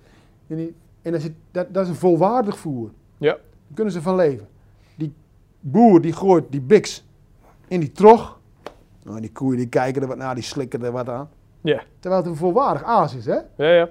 Alle mineralen, Alles, alle vitamine, voedingswaarden, alles zit, zit er is hoeven verder niks bij eten eigenlijk. Ik vind het helemaal niet fijn. Dan komt die boer eraan met zijn grote tank met melasse. Dan Ja. pleurt hij de melasse overheen. Dan moet je kijken wat er dan gaat gebeuren. Ja, feeding dan frenzy. vreten ze erin als een gek. Ja. Dat heeft ook alles te maken met smaak. Ja. Nou, bij, bij vissen werkt het in mijn beleving net zo. Ze moeten het eerst lekker vinden. Eh, ik heb er heel veel over geschreven. Maar ik ben in de loop van de jaren ook weer steeds weer verder gaan nuanceren. Want ik kijk niet alleen naar wat ik vang, met welke aard, maar ook naar anderen, wat die vangen. En als ik dan zie dat aan. eh, vroeger was vismeel was, was super belangrijk, weet je Ja. wel. Dat was het. En, eh, nou ja. Maar als ik kijk wat er gevangen wordt. En dan moet je niet alleen kijken naar bekendere vissers die altijd in het grote publieke belangstelling Ja. staan. Maar Nee, zeker gewoon ook de recreanten. breder, ja, Waar die mee vissen en wat die vangen. Als dat allemaal zo slecht was en er zat niks in, om het zo maar te zeggen. Dan vingen ze nooit een vis weer. Ja. Nou, als ik kijk eh, wat op sommige watertjes gevangen wordt met een, een, een, goed smakende Scopex birdfood of zo. Ja. Hè, waar ehm, eh, totaal geen dierlijke melen in zitten. Is gewoon bizar. Ja. Hè, maar toch leeft er ergens nog een, een gedachte. Ja, we moeten er voedingswaarde eh, eh, in, in, in, in, inbrengen. En nou, dat, is, dat is een beetje een wazig begrip. Ik heb ook wel eens geblenkt hoor aan, aan, aan vismeel, maar ik heb er ook wel eens goed aan gevangen. En andersom net zo. Ja. Maar of dat dan te wijten is aan de voedingswaarde, dat is ook heel, situa heel situationeel. Ik ben momenteel ben ik aan het uitpakken met, eh, eh, met een simpele Scopex Birdfood Boilie en dat gaat hartstikke goed. Ja. Hey. Ehm, dus ik ben niet meer zo dat, dat, dat, dat een, een minimale voedingswaarde in moet zitten. En we zijn ook heel lang op zoek geweest naar wat dan de ultieme boilie eh, moet zijn. Misschien nog wel steeds. Ja. Ik heb jaren geleden al geschreven, echt al heel lang geleden, als je wil weten wat erin zit, dan moet je niet zo moeilijk doen. Als je wil weten wat een karper nodig heeft en wil er voorwaardig voer aanbieden, dan moet je gewoon naar, naar, de- naar de, naar de, de kooiboer gaan. Ja. Hè? Eh, of je koopt ergens karperpellets, dat is een volwaardig voer. Ja. Daar worden ze mee opgekweekt. Nou, dan koop je dat toch, dan ben je klaar. En dan vang je je helemaal het schompers. Dat laatste is dan helaas niet het geval. Hoe kan dat? Nou, het is de natuur, het zijn snoepjes, Ja. je hoeft ze niet. En de wijze waarop ik voer is, ook niet, is er ook niet op gericht om ze te, te voeden. Maar is meer om ze te lekker te maken, om ze af en toe te laten zoeken. Ja. Hè? En, en En dan wil ik nog een stapje verder gaan. Op het moment dat het daar wel alleen aan zou liggen, Ja. dan zou iedereen die een, een, een, een, een dergelijk boy met een hoge voedingswaarde zou kopen, die zou goed vangen. Ja. Nou ja, er Helaas. zijn veel meer factoren. er zijn natuurlijk. veel meer factoren. Ja. Maar smaak, hè? Je geeft Ja. het aan, oké, smaak is voor jou een hele belangrijke. hoe trigger jij die dan? Doe je, trigger jij die met, met, met liquids, met melassen? Met... Ja. Ja? Het is... eh eh, kijk, liquids die hebben wel het grote voordeel dat ze natuurlijk heel snel kunnen uitwasemen. Mhm. Eh, waardoor je gewoon een grote wolk eh, krijgt in het water, waardoor de smaakreceptoren gewoon sneller geprikkeld worden. Ja. Ehm, en des te kouder het water is, des te moeilijker eh, komen bepaalde dingen natuurlijk ook vrij. Dus zeker in koude water is een liquid super, eh, super belangrijk. Moet je ook weer niet overdrijven. Want een karper die kan zo enorm bizar goed, nou ruiken kunnen zij niet, maar ze proeven dat. Ja. Ze hebben smaakreceptoren over hun hele lichaam. Ze kunnen proeven met hun buik, ze kunnen proeven met hun borst, ze kunnen proeven met hun flank. Hè? De concentratie zit wel rond hun bek. Ja. Maar zij zwemmen gewoon, en ze, ze, ze proeven alles. Mhm. En ze hoeven echt niet heel veel eh signalen te krijgen om door te hebben dat er iets te halen is. Want wat voor, eh, voor de, eh, kijk maar naar een mossel of zo. Of eh, wat, wat, gaat daarvan uit? Ja, daar gaat wel een beetje attractie van uit. Zeker Ja. als we hun uitwerpselen afscheiden. Maar dat is ook niet zoveel. Dus we hoeven ook helemaal niet overdrijven. Eh, en in deze tijd, want dat is een, een slag die ik nu weer heb gemaakt, waarin de ecologie van het water verandert, waarin je zogenaamd, waar, waarom vroeger heel erg attractiviteit, heel veel liquids, Ja. eh, dat is nu vaak killing. Van de bestanden, zeker op de openbare wateren, zijn dusdanig aan het veranderen dat er, de bebrazems zijn heel erg groot. Er zijn heel veel winders. We hebben last van roofblij. De sterfte van de kreeften. Vorens worden groot. Ja, graskarpers eh, die, die zwemmen overal. Dus dat is de attractiever dat het aas is, dat kan ook zelfs een keer tegen je gaan werken. Ja. Waardoor je ook heel veel ongewenste vissoorten aantrekt. Wat ik nu doe is vaak minimaal eh, liquids gebruiken. Soms Ja. zelf niet, zeker niet als het wat warmer is. Ja. Om heel veel ongewenste eh, beestjes eh, buiten de Ja, poort buiten te houden. de... Die karper die vinden het wel hoor. Ja.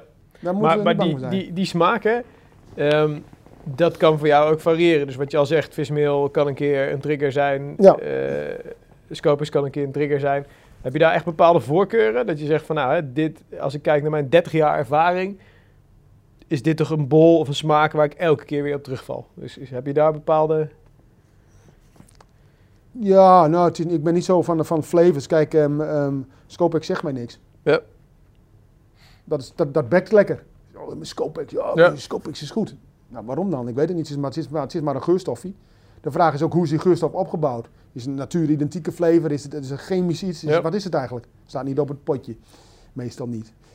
Dus dat zegt mij niks. Maar natuurlijke, ongeraffineerde eh, producten, rauwe producten, waar heel veel eh, eh, stofjes in zitten, zeg maar, die een karper zouden kunnen triggeren, die hebben mijn voorkeur. Als je bijvoorbeeld melasse neemt, melasse is natuurlijk een, een, een afvalproduct uit, uit bijvoorbeeld de suikerindustrie, maar er zitten zoveel stofjes in die een karper kan waarnemen, en des te meer stofjes een karper,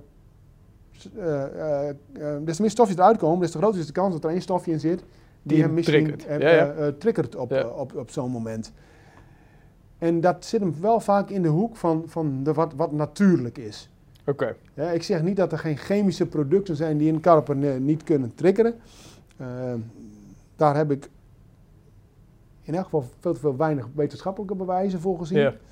Maar ik ehm eh, natuuridentieke, of nee, na- na- natuurlijke eh, liquids, ehm, die, daarvan heb ik het idee dat daar zitten zoveel stofjes in. Ja, dat, dat, dat dat die- past gewoon beter bij, Ja. bij het milieu. Zeker wat, Ja. wat, wat, eh, wat, wat, hoe zeg je dat?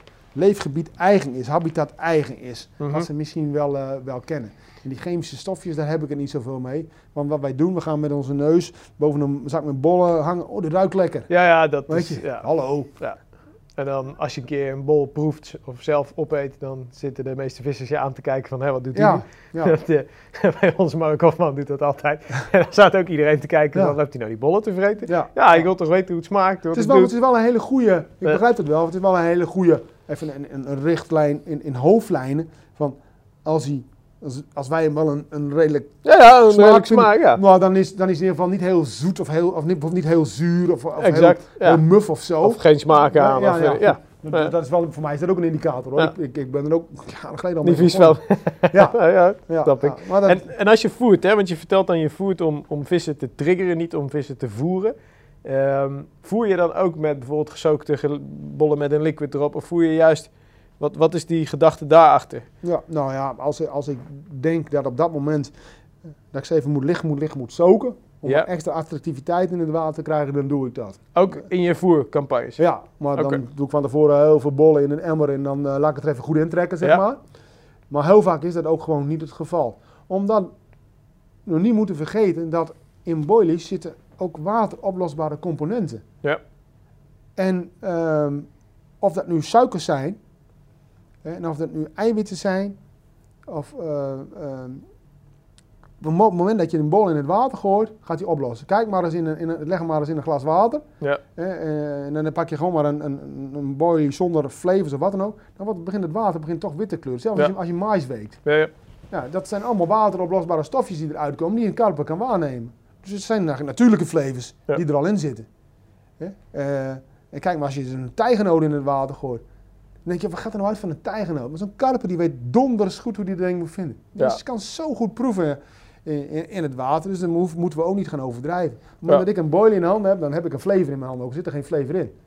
Die boilie lost ook op in het water. Ja, ja, die goed, als het water kouder is, duurt dat wat langer. Ja. En als je iets sneller wilt, kun je dat misschien een beetje versnellen door er een licht stookje overheen te gooien, waardoor er even wat sneller al, iets, al iets vrijkomt. Ja, je voercampagnes op zo'n... Hè, we, we hebben natuurlijk even geswitcht in ons gesprek van kanaal naar put weer. Op put was je dan echt langere tijd aan het voeren. hè. Als we dan teruggaan naar een kanaal... Want ik kan me voorstellen voor veel jongens die dan heel veel in het noorden of een ander landdeel eh starten op een kanaal.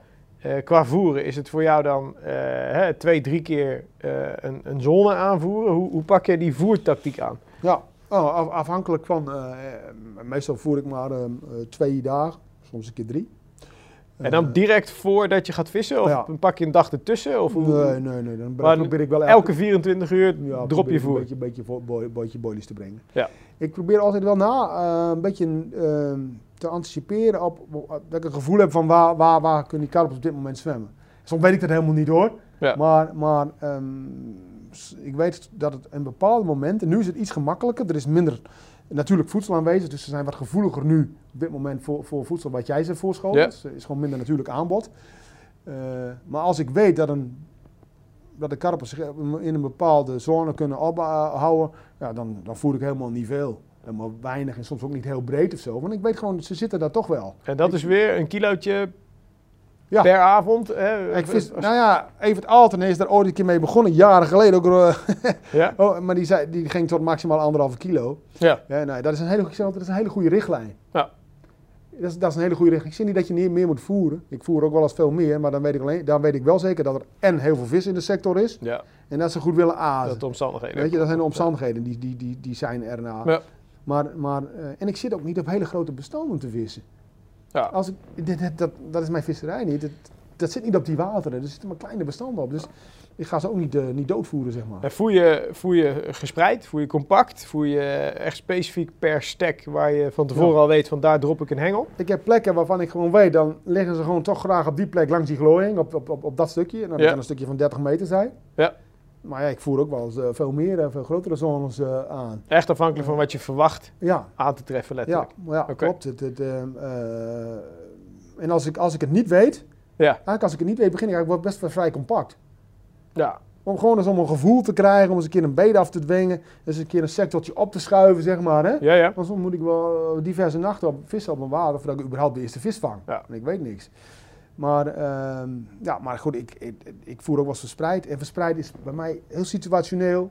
Ook waar het mijn gevoel aan geeft. Maar dat kan tussen, zeg maar, dat kan 100 meter zijn, 200 meter, 500 Ja. meter, kilometer, 3 kilometer, 5 kilometer, maakt me niet uit. Als het er moet, dan moet het. Oké, maar daar pas je dan ook wel. Dus hè, als je echt langere stukken, dan zou je voor hoeveelheden daar ook wel op aanpassen. Neem ik aan. Of Nou, niet zo, dat valt ook nog weer reuze mee. echt gespreid dat je voert. Ja, want eh, Je wil om, gewoon om, de vis... om de Ja. meter een boilie, dat is verspreid. Dat vinden ze wel om de 2 meter, om de 5 meter, om de 10 meter, om de 100 Ja, meter. je wil gewoon dat die vis de kans heeft van die boilie ergens tegen te komen en later te herkennen.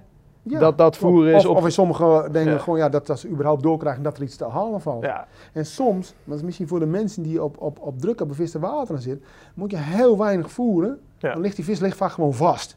Die zwemt als niet, die aast ook bijna, zwemt, beweegt als niet tijdens het azen. Ja. Als je ze zover kunt krijgen dat ze wel gaan zwemmen, dan ga je ze vangen. Maar je moet ze wel, en dat zwemmen, dat krijg je vaak alleen maar voor elkaar door ze te laten, door, door, door iets verspreiden te voeren. Ja. Nou doen heel veel mensen dat tegenwoordig, dus de magic is er wel een beetje af.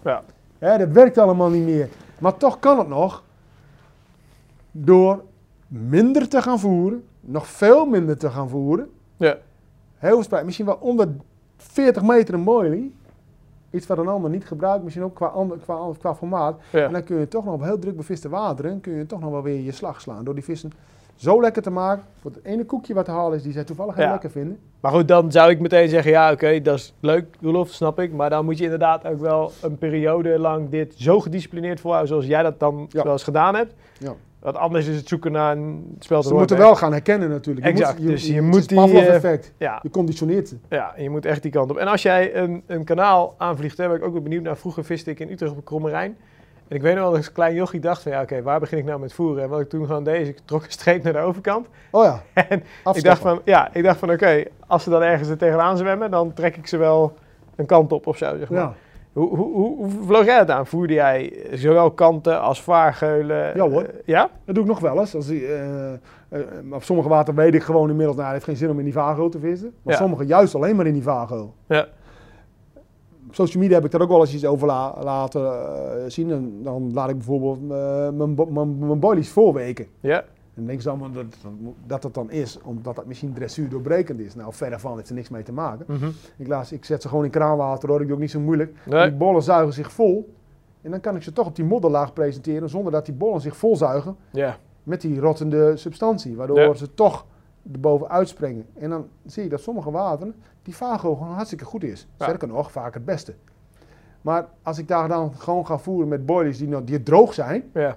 dan is het resultaat is vaak eh, stukken minder. Ja. Dus ook heel, heel eh, situationeel. Maar als ik ergens begin en ik weet het niet, dan voer ik kanten en ook het midden. Ja. We hebben voordeel tegenwoordig kun je met drie hengels vissen. Ja, Dus ja, dan ga je gewoon eigen kant, even Ja. gewoon midden, Ja. overkant. Hè? Even heel, heel simpel. En- Ja, het, hoeft, het hoeft ook niet veel complexer te zijn. Nee. Je gaat gewoon zoeken. En waar je op een gegeven moment die aanbeter vandaan krijgt, daar ga je op. Ja, ja, precies. En als je alles van links krijgt, dan probeer ik naar links op te schuiven, weet je wel. Zo, Ja. zo, zo doe ik dat dan. De, de moeilijkheid zit er voor veel mensen vaak in, dat als ze niks vangen, dat ze eh, het overzicht een beetje kwijtraken. Als je op een put, ze, ze, ze incasseren met het grootste gemak een blank als ze op een put zitten, van ze Ja. te overzien. Ze weten, die karpers kunnen er niet uit, ze zijn in de buurt, Ja. hè? maar op een kanaal is het soms wel, wel eens anders. Als je links kijkt, dan weet je, ja, waar zijn ze? Misschien zit je er wel helemaal naast. Maar dat is een mindset. Daar moet je, Ja. gewoon, daar moet je gewoon niet, niet moeilijk over doen. Wees blij. Ja, dat klinkt misschien heel ambitieus. Maar als je niks gevangen, als jij voor jouw gevoel je aanpak goed hebt gedaan, je hebt goed, goed, goed gevist. Ja. Je hebt alle ehm, opties een beetje, een beetje kunnen afdekken. En je vangt niks. Dan heb je ongelooflijk veel geleerd. Dan weet je, daar moet ik Ja, niet zijn. Ja. Ja. Kan je conclusies uittrekken. Wees blij dat je al weet dat je daar niet moet zijn. Dan wordt eh, jouw, jouw jachtgebied wordt dan weer een stukje kleiner. Maar je moet wel doorgaan. Ja. En je moet niet bang zijn voor 6, 7 blanks. En dan als je even zat bent, dan pak je het jaar erop, pak je het er maar weer op, weer op weet je wel. Ja. Maar je moet omgaan met blanks. Ja. Dat is normaal. Ja, je moet ermee dealen. Ja, en en ehm, eh, als je kijkt, je gaf aan, eh, weer even terug naar, naar het aas. Want dat, ja, om een of andere reden hangt dat wel om jou, ook hoe, hoe ik je zie. ja. Ehm particles, tijgenoten Ja. af en toe. Mais nog steeds af en toe. Ja, Eh, heel erg af en toe. Dat wordt steeds moeilijker. Wat ik net al zei, de ecologie is veranderd. Witvis is vis- gewoon- De wis- witvis, er zit minder vis, maar wat er aan witvis zit is wel veel groter. Ja. Blankvoorns zijn groot, brazems zijn enorm groot, koolbreien worden groot. te veel bij. He- heel veel winders. Er waren vroeger nog een beetje, dan zeiden we ja, doe maar een eh, doe maar, eh, geweekte of lichtgekookte kippenbrais, want dat is een beetje selectief. Dat is helemaal niet meer selectief. Dus die grote vissen, of die grote witvissen, die vreten dat ook met gemak weg. Ja. Dus, dus ja, ik ben min of meer, word ik nu gedwongen om het boilies eh, eh, Ja. uit te pakken, omdat ik daarmee toch iets selectiever ben. En varieer jij veel in, in diameters, in vorm? Eh, ben je er een die altijd de kanten eraf snijdt, zodat het niet gaat rollen? Eh, ga je groot, klein, extreem Ja. groot, extreem klein? Nou ja, goed, ik ben tegenwoordig te lui dat ik mijn eigen bol draai. ja, ja. Maar dat betekent automatisch ook dat ik niet altijd de, de beschikking heb over hele grote bollen. Oké, maar je zou wel groot willen. Ja, Even vergroot, gaan we 30 mm, ja tot, eh, 28, 30 meter. 28, 28 mm. Oké. Ja. Eh, ligt er wel een beetje aan waar, want als ik een water... Kijk, ik ben geen grote vissenjager. Ja, Dus op sommige water wil ik ook weer niet te, selectief zijn, want dan, dan, dan vang ik die 18 ponden niet. Maar die, Ja, die wil ik juist wil hebben, ja. weet je wel? Dus, dus de, eh, maar ehm, ja, ik, ik zou ehm, het liefste eh, ook nog eh, eh, af en toe uitpakken met hele, hele eh, grote bollen om nog iets selectiever ja. eh, te kunnen zijn. En, eh, maar je kunt ook heel veel doen door die aas gewoon niet te attractief te maken. Waardoor je toch behoorlijk uh, kan buiten, Ja. buiten spel gaat zetten. eh, met iets schraler azen gaan vissen. Maar dat, dat, dat, die karpers die vinden het wel. Ja. Maar 28 mm is dus voor jou eigenlijk... Standaard ga je al naar 25 mm plus, zeg maar, waar je mee vist. Ja, kijk, een karper die kan in zijn keeltanden kan die een, een, een dan moet ik even wat feiten ophalen. Ja, ja, wat Tu- ertussen past, Tussen, tussen ja. het keeltanden, dat is ongeveer, eh, even uit mijn hoofd, eh, hoe is dat, iets van 3% van zijn lichaamslengte. Dus als je een hebt Oké, van 80, 80 ja. centimeter, dan past tussen zijn keeltanden, dan past al een boy van 24 mm. Gemiddeld, hè? Ja, ja. Er zijn natuurlijk individuele Snap ik. verschillen.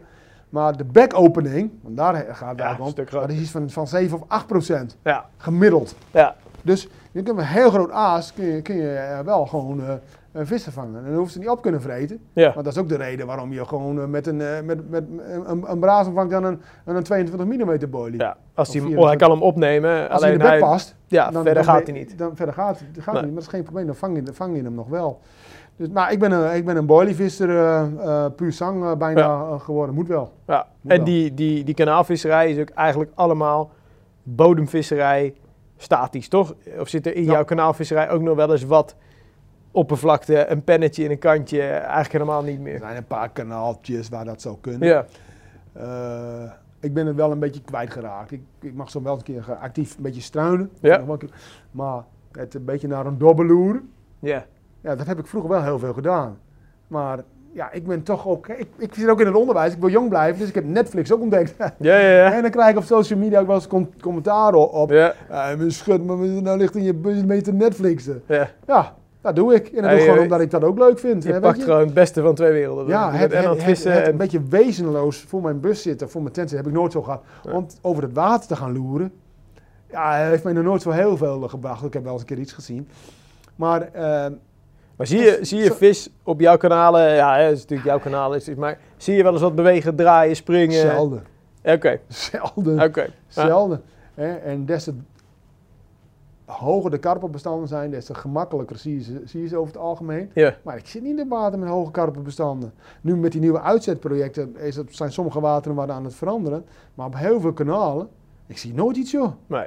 Als ik al eens een keer in een karper zie springen, dan spring ik een gat in de lucht. Want dat Ja, is ja, dan is het- is een jaar geleden dat ik dat heb gezien. Dat je dat voor het laatste Ja. zag. Oké. Hey, Rolof, we gaan even een, een, een sprong maken naar het stukje rigs. Eh, want ik merk het al, we gaan als, als een trein. Eh, en ik denk dat we een podcast van vier uur vol kunnen Geen kletsen probleem. met elkaar. Dus misschien moeten we een deel 2 ook nog eens ergens. eh, maar ik ben ook heel benieuwd. Ik hoorde je net al, ik kwam hier binnen en, en Roelof stond met een van de jongens van de Koperen Plas naar een, een, een visveilig systeem te kijken. Eh, en ik merkte eigenlijk al meteen aan jouw commentaar daarop en jouw feedback daarop dat je volgens mij niet heel veel waarde hecht aan mega subtiel, soepel, technisch vissen. In, het, in de laatste meter, hè? wel visveilig natuurlijk, Ja, wel ja, ja. een puntje op de i, maar klopt dat? Hoe, hoe ziet jouw laatste meter er eh, doorgaans uit op die kanaalvisserij? Ik snap dat er natuurlijk verschillende Ja, aanpakken zijn, maar nee, ik, ik heb nooit zo heel veel waarde gehecht aan, aan, aan, aan ingewikkelde rigs. Laat, ik- Ja. laat ik met de, met de rigs beginnen. Want ik vind nu, vis nu meestal gewoon met een helikoptersysteem veilig. Ja. Dat is in 9 van de 10 gevallen is dat het geval. Eh, maar we kijken naar het laatste stukje. Ehm, ik heb alles geprobeerd. Ik heb er ook wat van over gepubliceerd. ja, Eh, maar uiteindelijk kom je weer, is de cirkel rond. En ook dankzij heel veel onderwater ehm, ehm, eh, observaties die tegenwoordig beschikbaar zijn. Onderwatercamera's. Sommige karpenvissers, daar is het gewoon standaard. Die nemen onderwatercamera ja, ja, die zitten in de uitrusting. Ja. En ik heb zoveel gezien. En ik heb ook zoveel gezien. eh, zo vaak gezien dat ze niet worden gevangen. ja, Met de meest subtiele Ronnie rigs, pop-up rigs, stiff rigs. En ik Ja. weet het allemaal niet. Die karpers hebben gewoon door dat het niet klopt. Dat Ja. iets niet in de haak is om het eh, dan om een passende woordspeling te ja, gebruiken. ja. Eh, vertrouwen is ook daarin weer belangrijk. Eh, de wijze Geloof je ook bij die kanaalkarpers daarin dat ze daar... Dat, Oh dat- ja. Ja? oh ja, daar heeft een hele grote verandering plaatsgevonden. Sinds, sinds, sinds het water helder is geworden. Dat op zich, dat het Ja. toch... Een vis die is gewoon is een dier die, is- die is op, altijd op zoek naar veiligheid. Ja. En op het moment dat het om hem heen troebel is en donker is, nou, het cloud-effect wat we uit de witvissen Ja, ja, goed kennen, dan worden vissen worden, dan voelen ze zich veilig. Ja. azen ze ook veel, veel feller. Op het moment dat het water heel helder is, en elk schaduwtje, eh, eh, alles zien ze, want ze kunnen best redelijk eh, zien, Ja. dan worden ze gewoon zeer voorzichtiger en worden ze, worden ze schuwer. Ja. Daar had ik sowieso al mee te maken. En op sommige wateren die ik bewust heb, kwam, werd dat, was er in een paar jaar was het gepiept. En die karpen zaten er nog wel, maar ze werden meest moeilijker vangbaar. Ja. Dat was heel bijzonder, om- om- bijzondere constatering ook weer. Eh, maar ze moeten vertrouwen hebben. Dat is ook een van de redenen waarom ik dus graag voorvoer. Hebben ze iets meer, iets meer vertrouwen. En ze moeten zwemmen. Ze moeten zwemmen. Ja. Eh, dus dat, dat compacte gevoer eh, altijd, dat, dat levert niet altijd vis op. En dan heeft die vis net iets langere tijd om door te hebben dat het niet eh, klopt. Ja. En we hebben heel lang gedacht dat het alleen maar een gevolg was van negatieve conditionering door, door bevissing. Maar inmiddels ben ik er ook al lang achter dat het gewoon natuurlijk gedrag is. Maar ik zie al die ingewikkelde richts voorbij komen. Ja. Nou ja, het gaat heel vaak mis. En op het moment dat het dan toevallig een keer goed gaat, dan hebben we de richt van het leven van Ja, gevonden. Ja. Nou, ik, ik vis heel basic.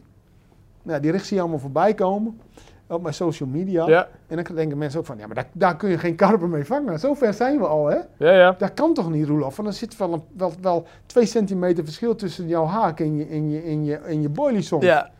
Ja, maar toch werkt dat, eh, kan dat heel goed werken. Er zijn wel situaties, zeker als ik weet dat een vis haast niet zwemt omdat hij uit de winter komt. Ja. Een mooi voorbeeld heb ik hier nog zelfs van de Koperen Plas, die kan ik wel even aanhalen. Dat was in die jaren, dat was een mooi, dat hier nog niet gevist mocht worden. Ja, ja. Toen Mocht- zat je hier mocht wel ik wel- mocht Ja. ik, ja, maar ik mocht niet vissen. Oké. Ik had ja. toestemming. Ik Kijk. zat hier ook gewoon vooraan bij het restaurant. Ja. En ik kreeg gewoon een biertje en zo. Dat was mooi. Dus Service, ik had een soort van eh, eh, privilege. Eh, en toen kwamen de vissen een keer uit de winter. En toen kwamen ze op ondiepe en ik zag ze. En ze waren heel traag. Ik zag de grote eh, plakaten winterslijm nog, nog, nog op de flanken. En ze bewogen haast niet. Hun hele gestel was... Ze waren helemaal nog niet wakker, om het zo Mhm. maar te zeggen. En ze wouden wel azen. Ja. Maar ze azen zo traag dat ze, ze pakten het op en dan zwommen ze nauwelijks door. Ja. Nou ja, dan hebben ze die, dat haakaas en die haak heel lang in de bek. Maar dat hebben ze ook door, want dan kunnen ze gewoon proeven. Dat hebben ze door, Ja, ze niet. voelen dat er Dan iets... spugen eh, ze het zo weer uit. Ja. En dat zag ik. Ja, ja. En dat was een situatie waarin ik dus teruggreep op een hele simpele, wel een, wel een bodemricht, maar dan had ik een contraloodje eraan. Ja. Een zwaar contragewichtje. En toen ving ik ook in 8 seconden effectieve vistijd. Ik heb het toen geklokt. Hij, Ja. kreeg twee aanbeten. ja. Maar dan pakken ze het op. En vervolgens, en dat was best een zwaar contraloodje, zakt die haak, die zakte terug naar de bek. Ja. En dan, ja, dan schrokken ze toch. En het was niet zo anti-eject of zo, Nee. helemaal niet. Maar die haak was er wel goed in positie. Ah, en, dan in heel, en dan kort vissen, zeg maar een centimeter Of, of, of 11 was het 10. En dat was de enige manier om ze op dat moment eh, te haken. te, te Ja. vangen. Maar het had niks te maken met pop-ups of met ringetjes of met allemaal ingewikkelde dingen. Het was Ja. gewoon een korte onderlijn met een contragewicht. Ja. Dus, dus, dus en, en, en die marge zoek ik het, zoek ik het eigenlijk.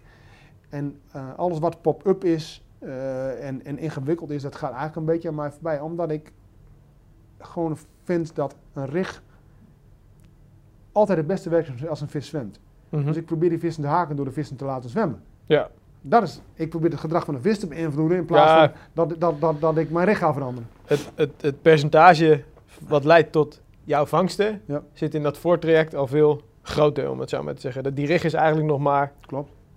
En met 10, zo'n- bij 15, zo'n basisricht kun je ja. ook heel erg variëren. Ik ga niet alles zeggen nu, maar ik neem het woord minimaliseren neem ik maar eens in de mond. Ja. En daar mogen mensen zelf maar eens over nadenken wat ik daarmee bedoel. Kijk, maar, wat niet- cryptisch, mannen. Dit nee, is, ja, eh, goed, maar, dat- dat, is het gewoon. Ik, Ja. ik kijk met heel, ik ken hele goede witvissers. eh, die ook in het Nederlands team zitten, die wereldkampioen zijn geweest. En daar praat ik heel veel, nou heel veel mee, die, die kom ik regelmatig tegen en dan heb je het erover. Hè? Ja. Eh, en en die, die kunnen donders goed, goed vissen. En minimaliseren, een beetje subtiliteit, soms wel op, op zijn plaats. Maar soms ook niet. Soms dan moet je gewoon heel lomp vissen, 10 centimeter online, haak 4 eraan. En gaan. Ja. En, en heb je, hè, we gaan niet eh, eh, exact benoemen hoe wat waar hoor, maar heb je nog een bepaald favoriet, een favoriete haak, favoriet onderlijnmateriaal type lood. En dan niet om de merken en veer in de reet te steken, maar gewoon om eens te laten zien waar jouw laatste meter uit bestaat. Wat, wat...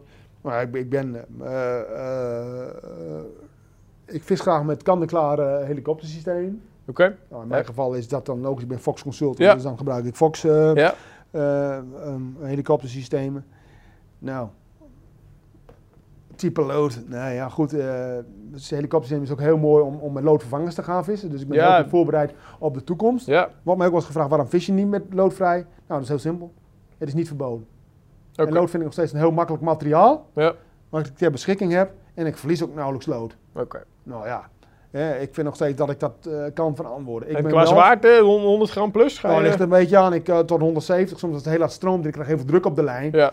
Maar eh, bij helikoptersystemen vis ik vaak wel iets, iets, iets zwaarder. Dat als ze beginnen te schudden, dat lood iets meer kracht op, op, op, de, op de, de, de kraal zet. Dat het loskomt. Ja. Om, om het kopschudeffect een beetje wat extra ja, tegen te gaan. tegen te Ja. gaan. Maar waar heb je het dan over? Dat begint eigenlijk al 2,5 ounce. Dus ik vind het best wel wel licht, ook op kanaal hoor. Ja. Maar eh, ga ook zo naar eh, 170, eh, 170 gram. En het ziet er heel simpel uit. Het ziet er soms zo simpel uit dat. eh, en toen deed ik eens een keer een. eh voor mij was het een clinic die ik deed. Ja. eh, op, een, op, een, op een parkwater. En toen ving ik een vis. En toen zegt iemand tegen me: Hè? Maar dat is gewoon een normale onderlijnruglof. Ja, ja, dus ja? je, je haalt niks speciaals uit. Maar die was er helemaal door verbaasd. Ja. En daarop voortborduren hoor ik ook regelmatig, maar ja, die zegt niet waar hij mee vist. Maar mag ik die dood neervallen? Want jij ziet op mijn social media, daar vis ik mee. Ja. En daar vang ik ze mee. Ja. Het is echt niet... ik denk dat heel veel luisteraars, hè, en, en dat hoor ik nu bij jou ook weer, gewoon het hele voortraject en de hele intensiteit waarmee je ermee bezig bent, hoeveel moeite je erin steekt, dat dat heel vaak over het hoofd gezien wordt door veel vissers. Wat het betekent om tot succesvangsten te komen. Ervaring kun je niet Kopen, kopen. nee, Die klopt. staat niet op YouTube. Ja.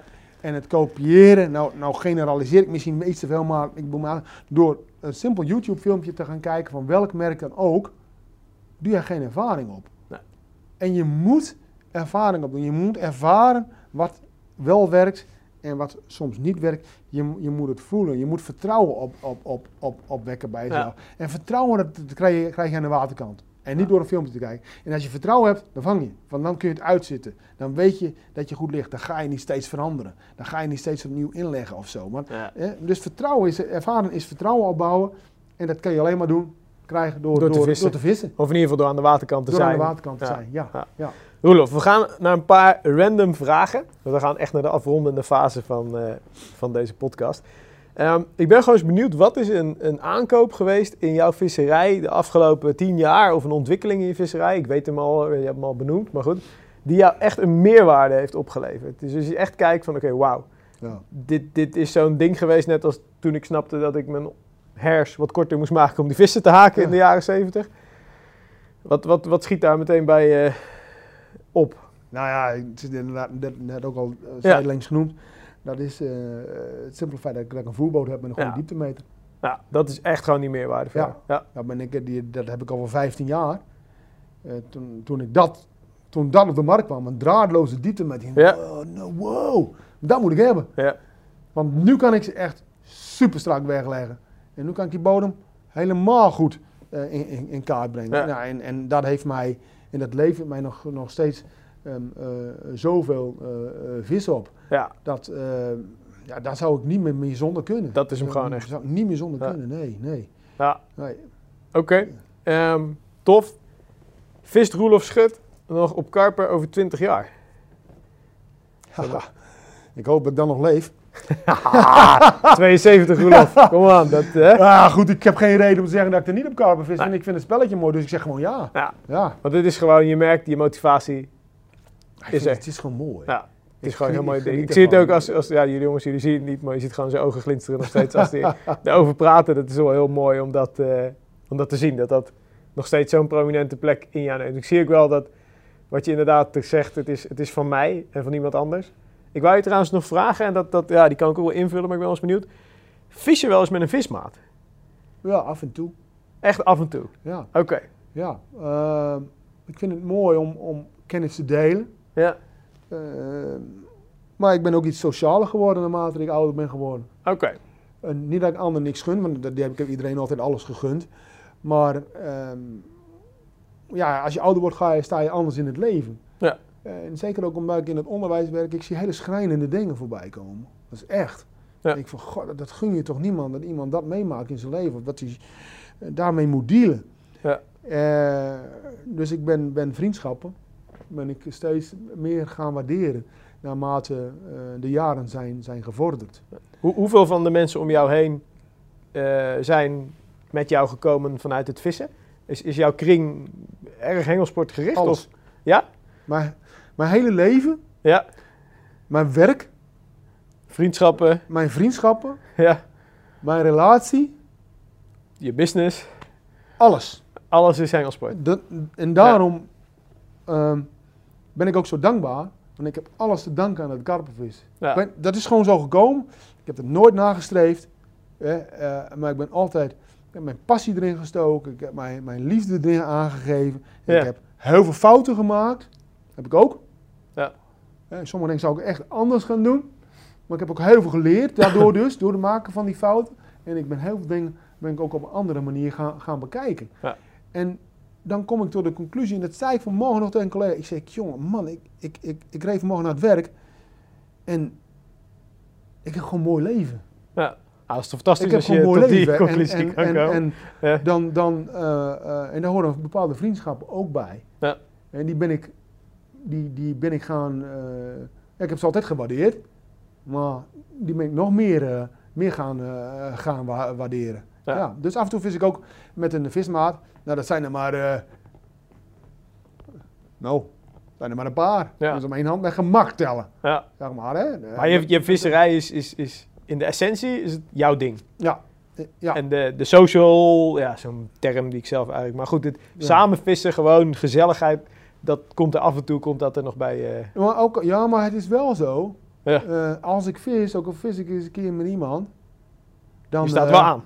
Jazeker. Ja, ja, ja. Dan, dan doen we geen afbreuk aan fanatisme of aan gedrevenheid, niks. Ja. En, eh, maar dan heb je wel een keer een leuk gesprek. Ja. En dan misschien een keer een klein drankje erbij. Ja. Hè? Of een keer eh, even eh, een, Ah, een tuurlijk. leuk intermezzo. Dat wel, maar, maar ik ga niet zo van, oh, ik ga, we gaan vissen en we zien wel. Nee, Nee, dat is- die dat is die drive mij. die zit erachter. dat is er bij mij niet bij. Nee, nee. Hey, wat, wat vanuit jouw optiek, je ziet veel, wat voor ontwikkelingen zie jij, verwacht jij als je kijkt naar de komende vijf tot tien jaar in, in, in de karpenvisserij? Hoe, waar zie je dat naartoe gaan? Zie je bepaalde, je hebt het over ecologie, nou, commercie. eh, zijn er dingen waarvan je zegt van nou, hè, mijn hobby verandert, de hobby verandert. Ik, ik- Ja. Nou ja, je, je ziet dat, dat, dat karpenvissen is geworden van een, een, een, een hobby voor zonderlingen tot een volkssport. En dat is het nu. Ja. Vroeger ging je karpenvissen pas als je de andere takken van de sportvisserij beheerste. Maar je moest even geduld hebben namelijk en, en, en discipline. Eh, dus toen was het het moeilijkste wat er was. En nu is het het gemakkelijkste wat er is.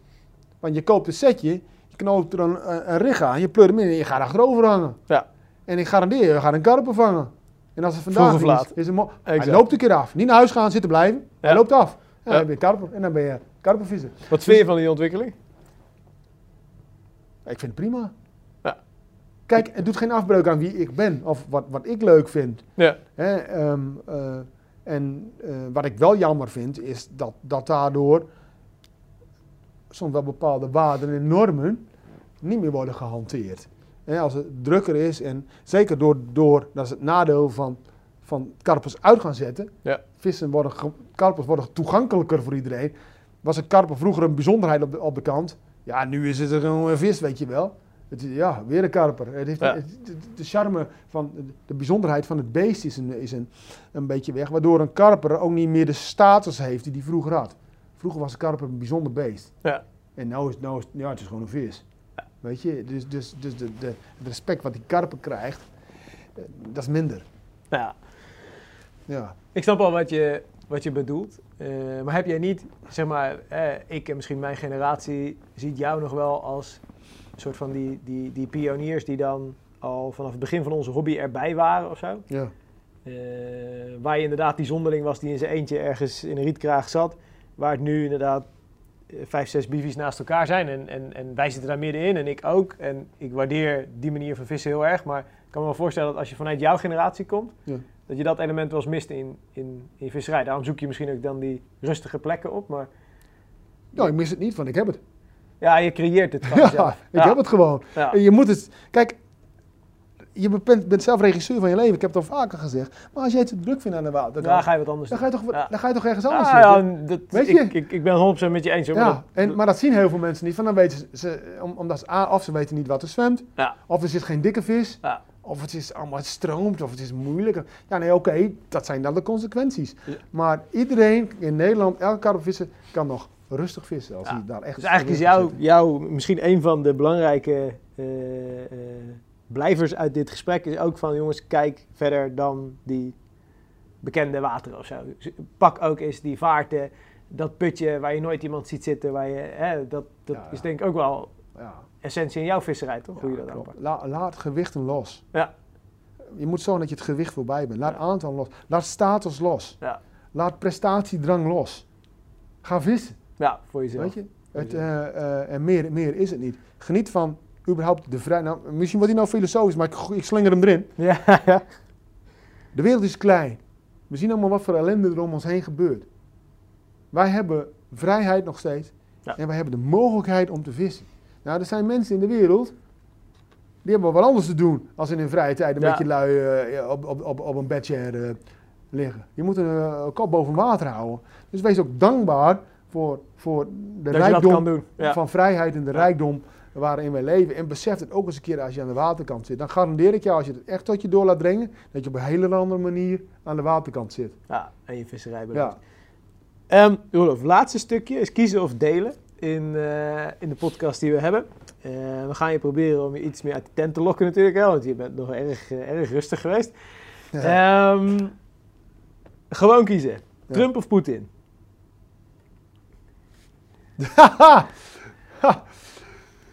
ja, dan kies ik. Ik moet kiezen, hè? Je moet kiezen. Ja, Dan kies ik voor Trump. Trump. Magazine of podcast?